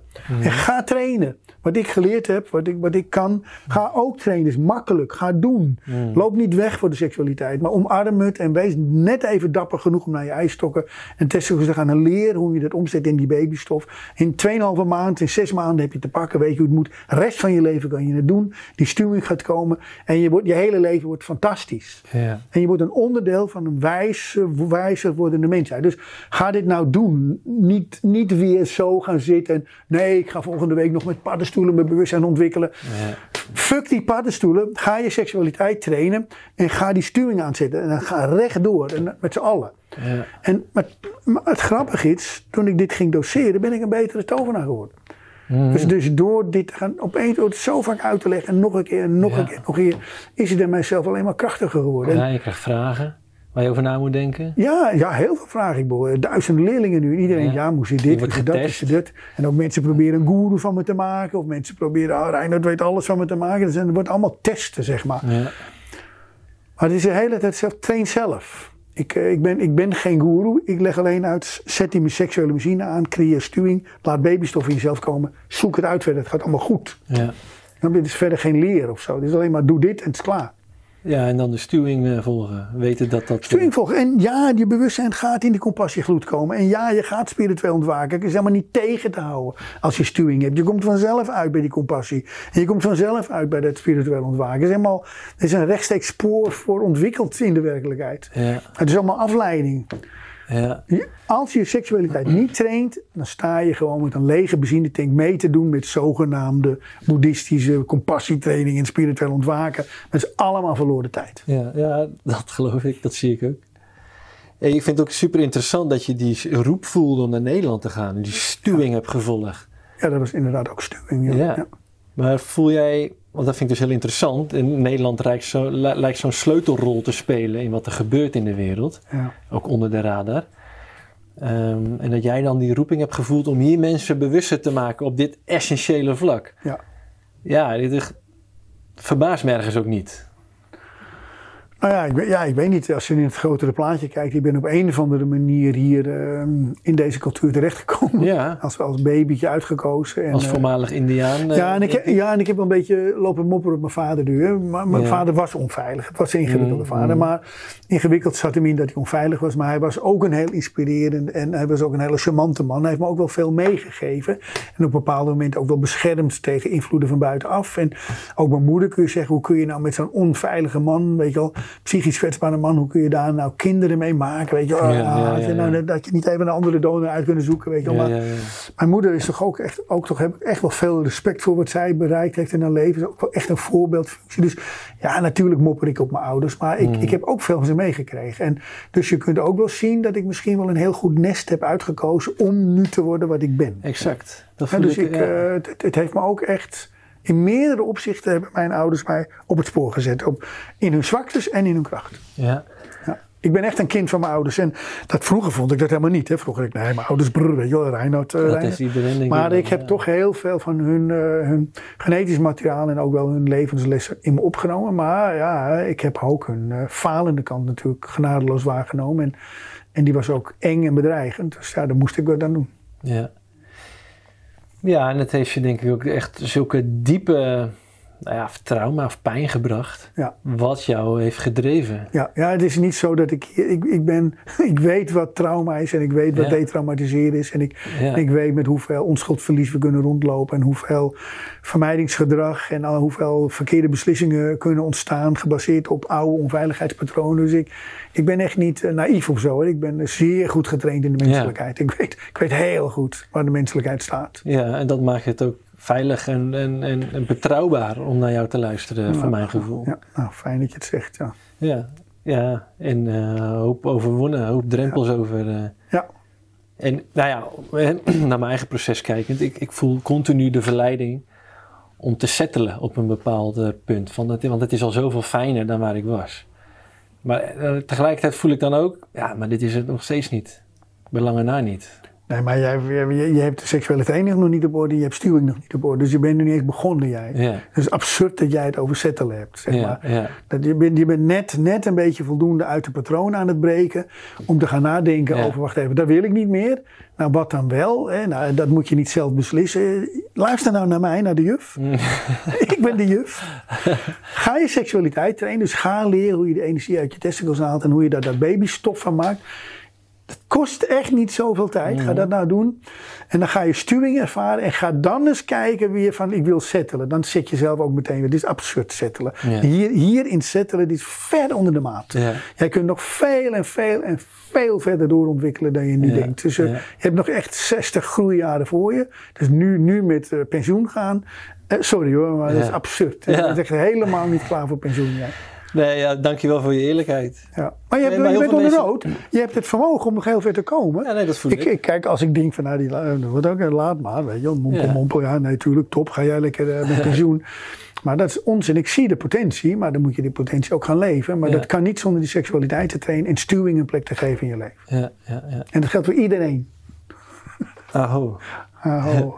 Hey, ehm, ik heb ook begrepen, je, je hebt ook wel shamanistische invloeden in, jou, in jouw systeem gekregen. Ja, ik ben, ik ben een van de eerste leraren, die had, dat was Joska Roos. Dat was, toen was ik 18. Heb ik een jaar lang shamanistisch getraind bij een Hongaarse shamaan die naar, eh, door de hippies naar Amsterdam gehaald werd. Ja, ja. Dus dat was in, eh, hoe heet het, de Cosmos. Dat was een, heel, een, een spiritueel centrum in Amsterdam, Ja. bij het Centraal Station. En eh, nou, daar werden de eerste shamanen naar gehaald. En daar, daar ben ik stiekem bij gekropen. En er werd er getrommeld en gerateld en gezongen. En er werden mensen geleerd om... Wat is, en, ik, en ik zag hem dus in het, in het landschap bewegen. Maar wat deed hij nou, weet je wel. Dus, eh, dus daar, het Taoïsme zelf heeft een hele grote Taoïstische eh, invloed. Dus in het Taoïsme zit het, zit het Siberisch shamanisme eigenlijk opgenomen, zou je kunnen zeggen. Ik heb ook nog wel met Daan van Kamphout contact gehad eh, een tijd. Dus ook een van de grote shamanen van Nederland, vind ik. En met het systemisch werk ook briljant. Ja, dus de- de- ik, ik ben eigenlijk ook een beetje een shamaan. Ja. En, eh, maar ik heb me doorontwikkeld tot, tot tovenaar. Maar in feite is een, is zijn de shamanen, zeker de top-shamanen, zijn ook tovenaars. Ja. Dus de, de beginnende shamanen moeten nog een beetje eh, doorgroeien. Maar Ja. de top-shamanen, dat zijn ook tovenaars. Ja. Ja. ja, de reden dat ik het vraag is, van, van, jij bent ook met de tolteken eh, bekend. Ja, ja. En ik begreep dat zij geven elkaar nooit zomaar een terugkoppeling. Zij vragen eerst om een uitnodiging. Ze creëren eerst een setting om elkaar feedback te geven. Ja, dus ze noemen dat correctie met een hoofdletter. Hè, dus eh, de toltekens zien, zien correctie met een hoofdletter als een van de grote krachten van het universum. Ja. Dus ze zien dat niet als een persoonlijke kwaliteit of als een interactie tussen jou en mij. Maar, en dat lijkt een beetje op die, dat die zelfdiagnose waar jij het naar had. Ja. Hè? Dus je kunt dus correctie uitnodigen. Ja. En als, correctie, als je correctie uitnodigt, en dat kun je ook uitspreken naar elkaar. Weet je wel, ik heb correctie nodig, snap je? Ik, ben ik een voltooid mens? Nee. Ben ik een voortreffelijke? Nee. Ben ik compleet? Nee. Dus ben ik incompleet. En als ik incompleet ben, dan, dan schiet ik tekort. Waar schiet ik tekort? Nou, de als je in de spiegel kijkt, heel moeilijk. Maar als je iemand vraagt die echt er ook verstand van heeft, kun je vragen: Wil je mij vertellen wat ik tekort schiet? Dus correctie uitnodigen. Dus en daar heb ik heel veel. Ik ben ook behoorlijk tot takes getraind. Dus dat, eh, dat met, met wrijving leren werken, met zelfcorrectie. En correctie uitnodigen is één van de grote instrumenten om dat spoor vast te houden. Ja, mooi. Ja. Ja, want ik zie dat vaak ook misgaan. Dat mensen ongevraagd eh, correctie geven. Nou ja, kijk, on- ongevraagd correctie geven is vaak een beetje een, eh, een projectie van hun eigen onvermogen op de ander. Dus, eh, dus dan, ze zien eigenlijk het, innerlijke, het gekwetste innerlijke kind in de ander. Hun eigen innerlijke kind zien ze in de ander. Dan gaan ze de ander proberen het innerlijke kind te helpen. Maar alleen met een projectie om bij die eigen innerlijke kwetsuren weg te blijven. Dus eh, correctie, ongevraagd correctie geven aan anderen is een gevaarlijk. Ja, ik denk, ik denk dat ze voor zichzelf denken dat ze heel liefdevol zijn. Om de wereld mooier willen maken. Tuurlijk, ja. Maar En die hele- drive voelen we maar allemaal. het is een veilige positie om bij je eigen pijn weg te blijven. Ja, maar dat maakt het onveilig voor de ander. Check. Ja. Ja. Dus dat vond ik ook. Maar kun je daar meer over vertellen? Want hoe kunnen mensen elkaar wel ja, hierin bedding geven of Nee, begeleiden? je, je moet, je moet eh, terug. Je moet niks andere mensen. Laat andere mensen met rust. Je moet jezelf trainen. Ja. Dus gewoon iedereen moet naar zijn eigen seksualiteit. Ga naar die eierstokken, ga naar die testicles. Breng dat via bepaalde manieren in opwinding. Leer het stroom op de goede manier schoonmaken. Ja. Op de goede manier leer de babystof van maken en klaar. En dan gaat het hele zelfcorrigerende mechanisme gaat aan. Maar soms kan je niet laten. Zoals net in ons gesprek zei al: nee, jij moet niet settelen, jij moet door. En dan geef je toch ook in feite een ongevraagd advies die ik helemaal kan, kan ontvangen. Ja. Maar soms heb je gewoon dierbaren en die zien je rondjes lopen en dat doet jou gewoon pijn. Want ja, jeetje, Mina, hoeveel rondjes wil je nog lopen? Nee, maar je diermaren moet je, moet je behoorlijk met rust laten. Je moet, kijk, je, ik kan natuurlijk zeggen dat het een ongevraagd advies van je is. Maar je kunt ook zeggen dat je met mij hier naartoe gekomen bent om in gesprek te komen over Ja. al dit soort dingen. Mm. Dus het uitnodigen om hier met elkaar in gesprek te komen. Als jij dan zegt van, nou ja, ik ga settelen. Dan denk ik, nou, we gaan helemaal niet settelen. Sorry, maar dat is het onderdeel van het gesprek. Ja. Maar correctie uitnodigen is ook, ik hoor je wel. Ik denk van, hmm, misschien had ik mijn mond moeten houden. Dus, dus je hebt misschien gelijk. Dus. Nee, ik ben eh, blij dat je het zei. Ja, maar ik, ik voel je eh, eerlijkheid en je oprechtheid en dat maakt het heel. Ik voel gewoon een hele veilige basis in dit Ja. gesprek. Maar dat, ik, het is ook een aanwijzing van, mm, misschien had ik het niet moeten doen. Snap je? Oké, dus ik ben blij dat je het ontvangen hebt, maar je hebt ook gelijk. Je moet voorzichtig zijn. Het is voor mij een aanwijzing, Reiner, ik moet zelf mijn eigen training nog wat verbeteren. Mm. Ik moet jou niet lastigvallen, ik moet zelf beter trainen. Ja. Dus ik moet zelf vooral niet settelen. Ja, je pakt hem wel echt diep. Ja. Ja. jij wil echt niemand eh, nou, ja, lastigvallen of... eh, ik wil gewoon mezelf maximaal ontwikkelen. En, Nou, ja. en als ik jou ga lastigvallen, dan ben ik off, off track. Ik hoorde een tijd terug ook iemand zeggen, en dat raakte me echt, die zei: Denken voor een ander is al een vorm van geweld. Ja, heel goed. Ja, ja, echt zo. Die moest ik echt even laten binnenkomen, en die, maar die gaat zo diep. ja, maar dat, hoe- dat dat doen we toch aan de lopende band? Ja, nee, eh, je ziet mij ook vrolijk lachen. Ja, ik moest ook net lachen toen je het had over jullie. Want jij voelt je er echt buiten. In alle eerlijkheid. En ik proef ook geen arrogantie. Ik voel echt, jij, jij hebt gewoon je huiswerk gedaan. Je weet waar je het over hebt. Je erkent ook nog dat je continu zelf ook in staat bent om ervan af te dwalen. En jezelf daar. Ja, het is een constant proces. Ja. En, ik, en ik geloof heilig in de potentie van iedereen. En dat wordt me ook wel eens verweten door de mensen om me heen. Hè, die zeggen, nou Reinhard, weet je, bent soms te naïef. De mensen die nu op je afkomen, die iets van je willen. Dan kan wij ruiken van een kilometer afstand. En die mensen eigenlijk het niet goed met je voor hebben. Die eigenlijk van jou dingen willen hebben. Of kennis willen stelen. Of op andere manier achteraan willen komen. Heb je nou niet in de gaten dat dat, dat niet goed zit. Dat die mensen het niet goed met je voor hebben. En dan zit ik altijd een beetje verbijsterd van ja, nou ja, dat, dat doet me bijna pijn. Want ik zie eigenlijk in iedereen de kans om die te trainen. Ja. En dus, ook, ook bijvoorbeeld, ik zou heel graag, misschien dat iemand luistert uit het gevangeniswezen. Ik heb, ik heb al zeker twintig jaar geleden ook echt geprobeerd. Ik denk, ik wil mannen in de gevangenis les gaan geven. die, die zijn natuurlijk ook ontspoord. Die, hebben ook allemaal die zitten niet op de goede plek. Nee. Dus hoe krijg je mensen in de gevangenis weer op de goede plek? Snap je? Ja, en, ja. Die, en die zijn natuurlijk allemaal in seksueel misbruiken, masturberen en porno. En, eh, en als ze die gevangenis uitkomen, dan, is het, eh, dan lopen, zijn ze nog gevaarlijker dan daarvoor. Zijn ze niet gegroeid? Ja, dus ik, ik, heb, eh, ik heb toen met, eh, met, eh, geprobeerd contact te krijgen met de Die bestaat niet meer in Amsterdam. En ik heb contact ge- gezocht met de gevangenis in Alkmaar. En eh, toen kreeg ik gewoon, eh, ik zeg van nou ja, luister, ik weet allerlei dingen over seksualiteit. En hoe je, hoe je mensen in de gevangenis weer terug in de veiligheid krijgt. Niet voor zich, ook voor zichzelf, maar ook voor hun, hun mensen en ook voor de, de maatschappij. Dus gevangenen moet je eigenlijk veiliger de gevangenis uit laten lopen dan onveiliger. Maar wij laten ze onveiliger de gevangenis Ja. uitlopen. Dus ik heb aangeboden, ik wil gratis lesgeven aan, eh, geef me gewoon een groepje van 20 gevangenen. Ik ga die 20 en dan kijken jullie gewoon of het wel of niet bevalt. En dan krijg ik een heel lief briefje terug van, eh, ja nee, ehm, het leger des heils hel- helpt ons al. En we willen niet te veel goede doelen tegelijk hebben of zo. Dus, en ik was ook echt helemaal verbijsterd. Van, wacht eens even, dus ik word nu, ik word nu vergeleken met het leger des heils. Maar dat, dat nam ik weer aan. Ik van, wacht eens even. Ik ben nog te weinig autoriteit. Het leger des heils gaat dus voor mij.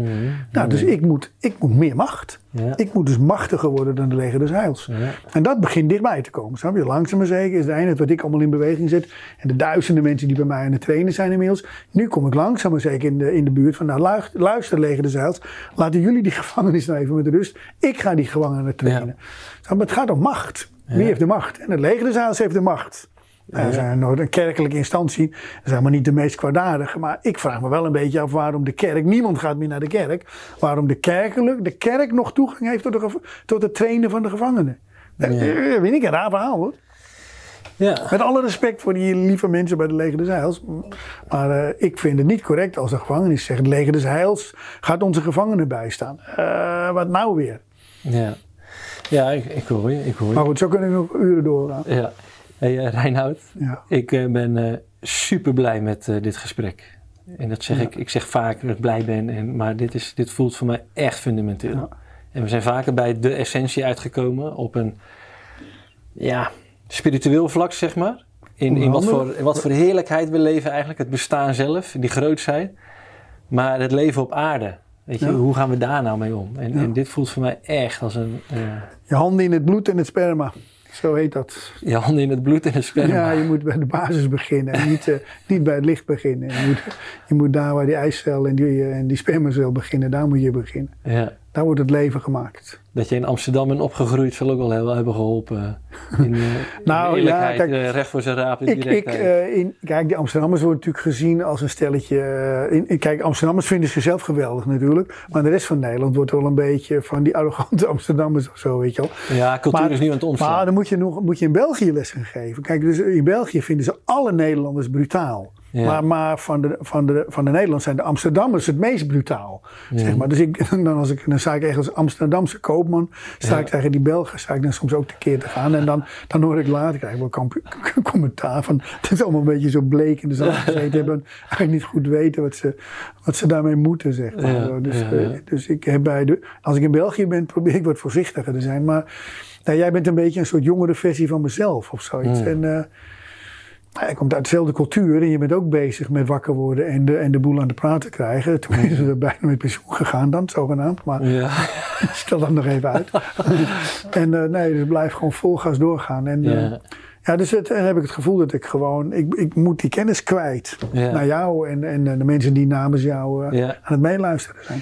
Nou, ik denk dat dat een spons ontvangen wordt. Ja, dat hoop ik heel erg. ja. Ja, ja, ja.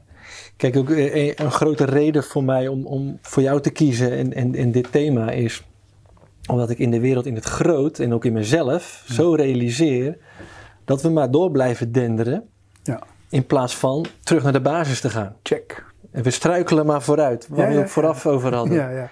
Je valt, maar als je maar gaat rennen, dan lijkt het niet alsof je valt, maar dat je rent. Ja, En dat is wat de mensen dan aan doen. Ze zijn eigenlijk aan het vallen, maar we rennen zo hard dat het net lijkt alsof we weten waar we heen gaan. Maar we zijn vallend. ja maar we zitten gewoon een, slow, een ongeluk in slow motion te bekijken. ja, dan komt een keer een afgrondje langs en dan kunnen we niet stoppen. Ja, en, en, en dan realiseren, wat hadden we dan moeten doen? Vertragen.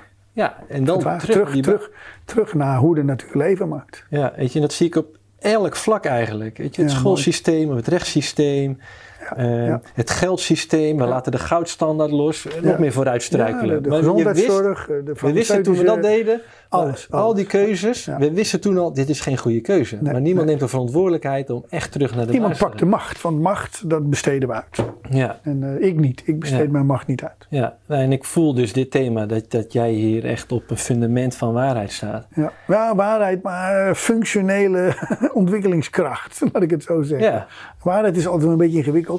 Ja, Maar, nou maar ik sta hier, ik, ik, heb ik heb echt, ik weet gewoon hoe die machine werkt. En die machine, die moet je aanzetten en dan ontdek dan je eigen waarheid maar. Ja. Maar, eh, maar zonder de machine, zoals je die motor niet aanzet van die seksualiteit en die sturing Ja. niet eronder zet. Ja, weet je wel, dan heb je, dan heb je je beste tijd gehad in de baarmoeder van je moeder. Dat was het hoogste wat je bereikt in dit Ja, leven. En daarna is het alleen maar minder. Maar je moet eigenlijk zorgen dat je, dat je er wat meer van maakt. Dan alleen maar in die baarmoeder rondhangen. Oh, ja. Ja, nee, kijk, ik, ik zag het vooraf dus als een onderdeel van eh, vele, maar dit is eigenlijk ja, het fundament onder alle onderdelen. Ja. Dus echt eh, nou, eh, extra bedankt voor het gesprek. Nou, mooi man. Fijn om te horen, ja. Ja. Heb je nog een laatste toegift? Nee, ik vind, ik, ben, ik vind het heel fijn dat ik uitgenodigd ben om dit gesprek met jou te hebben. En dat via jou heel veel mensen meeluisteren.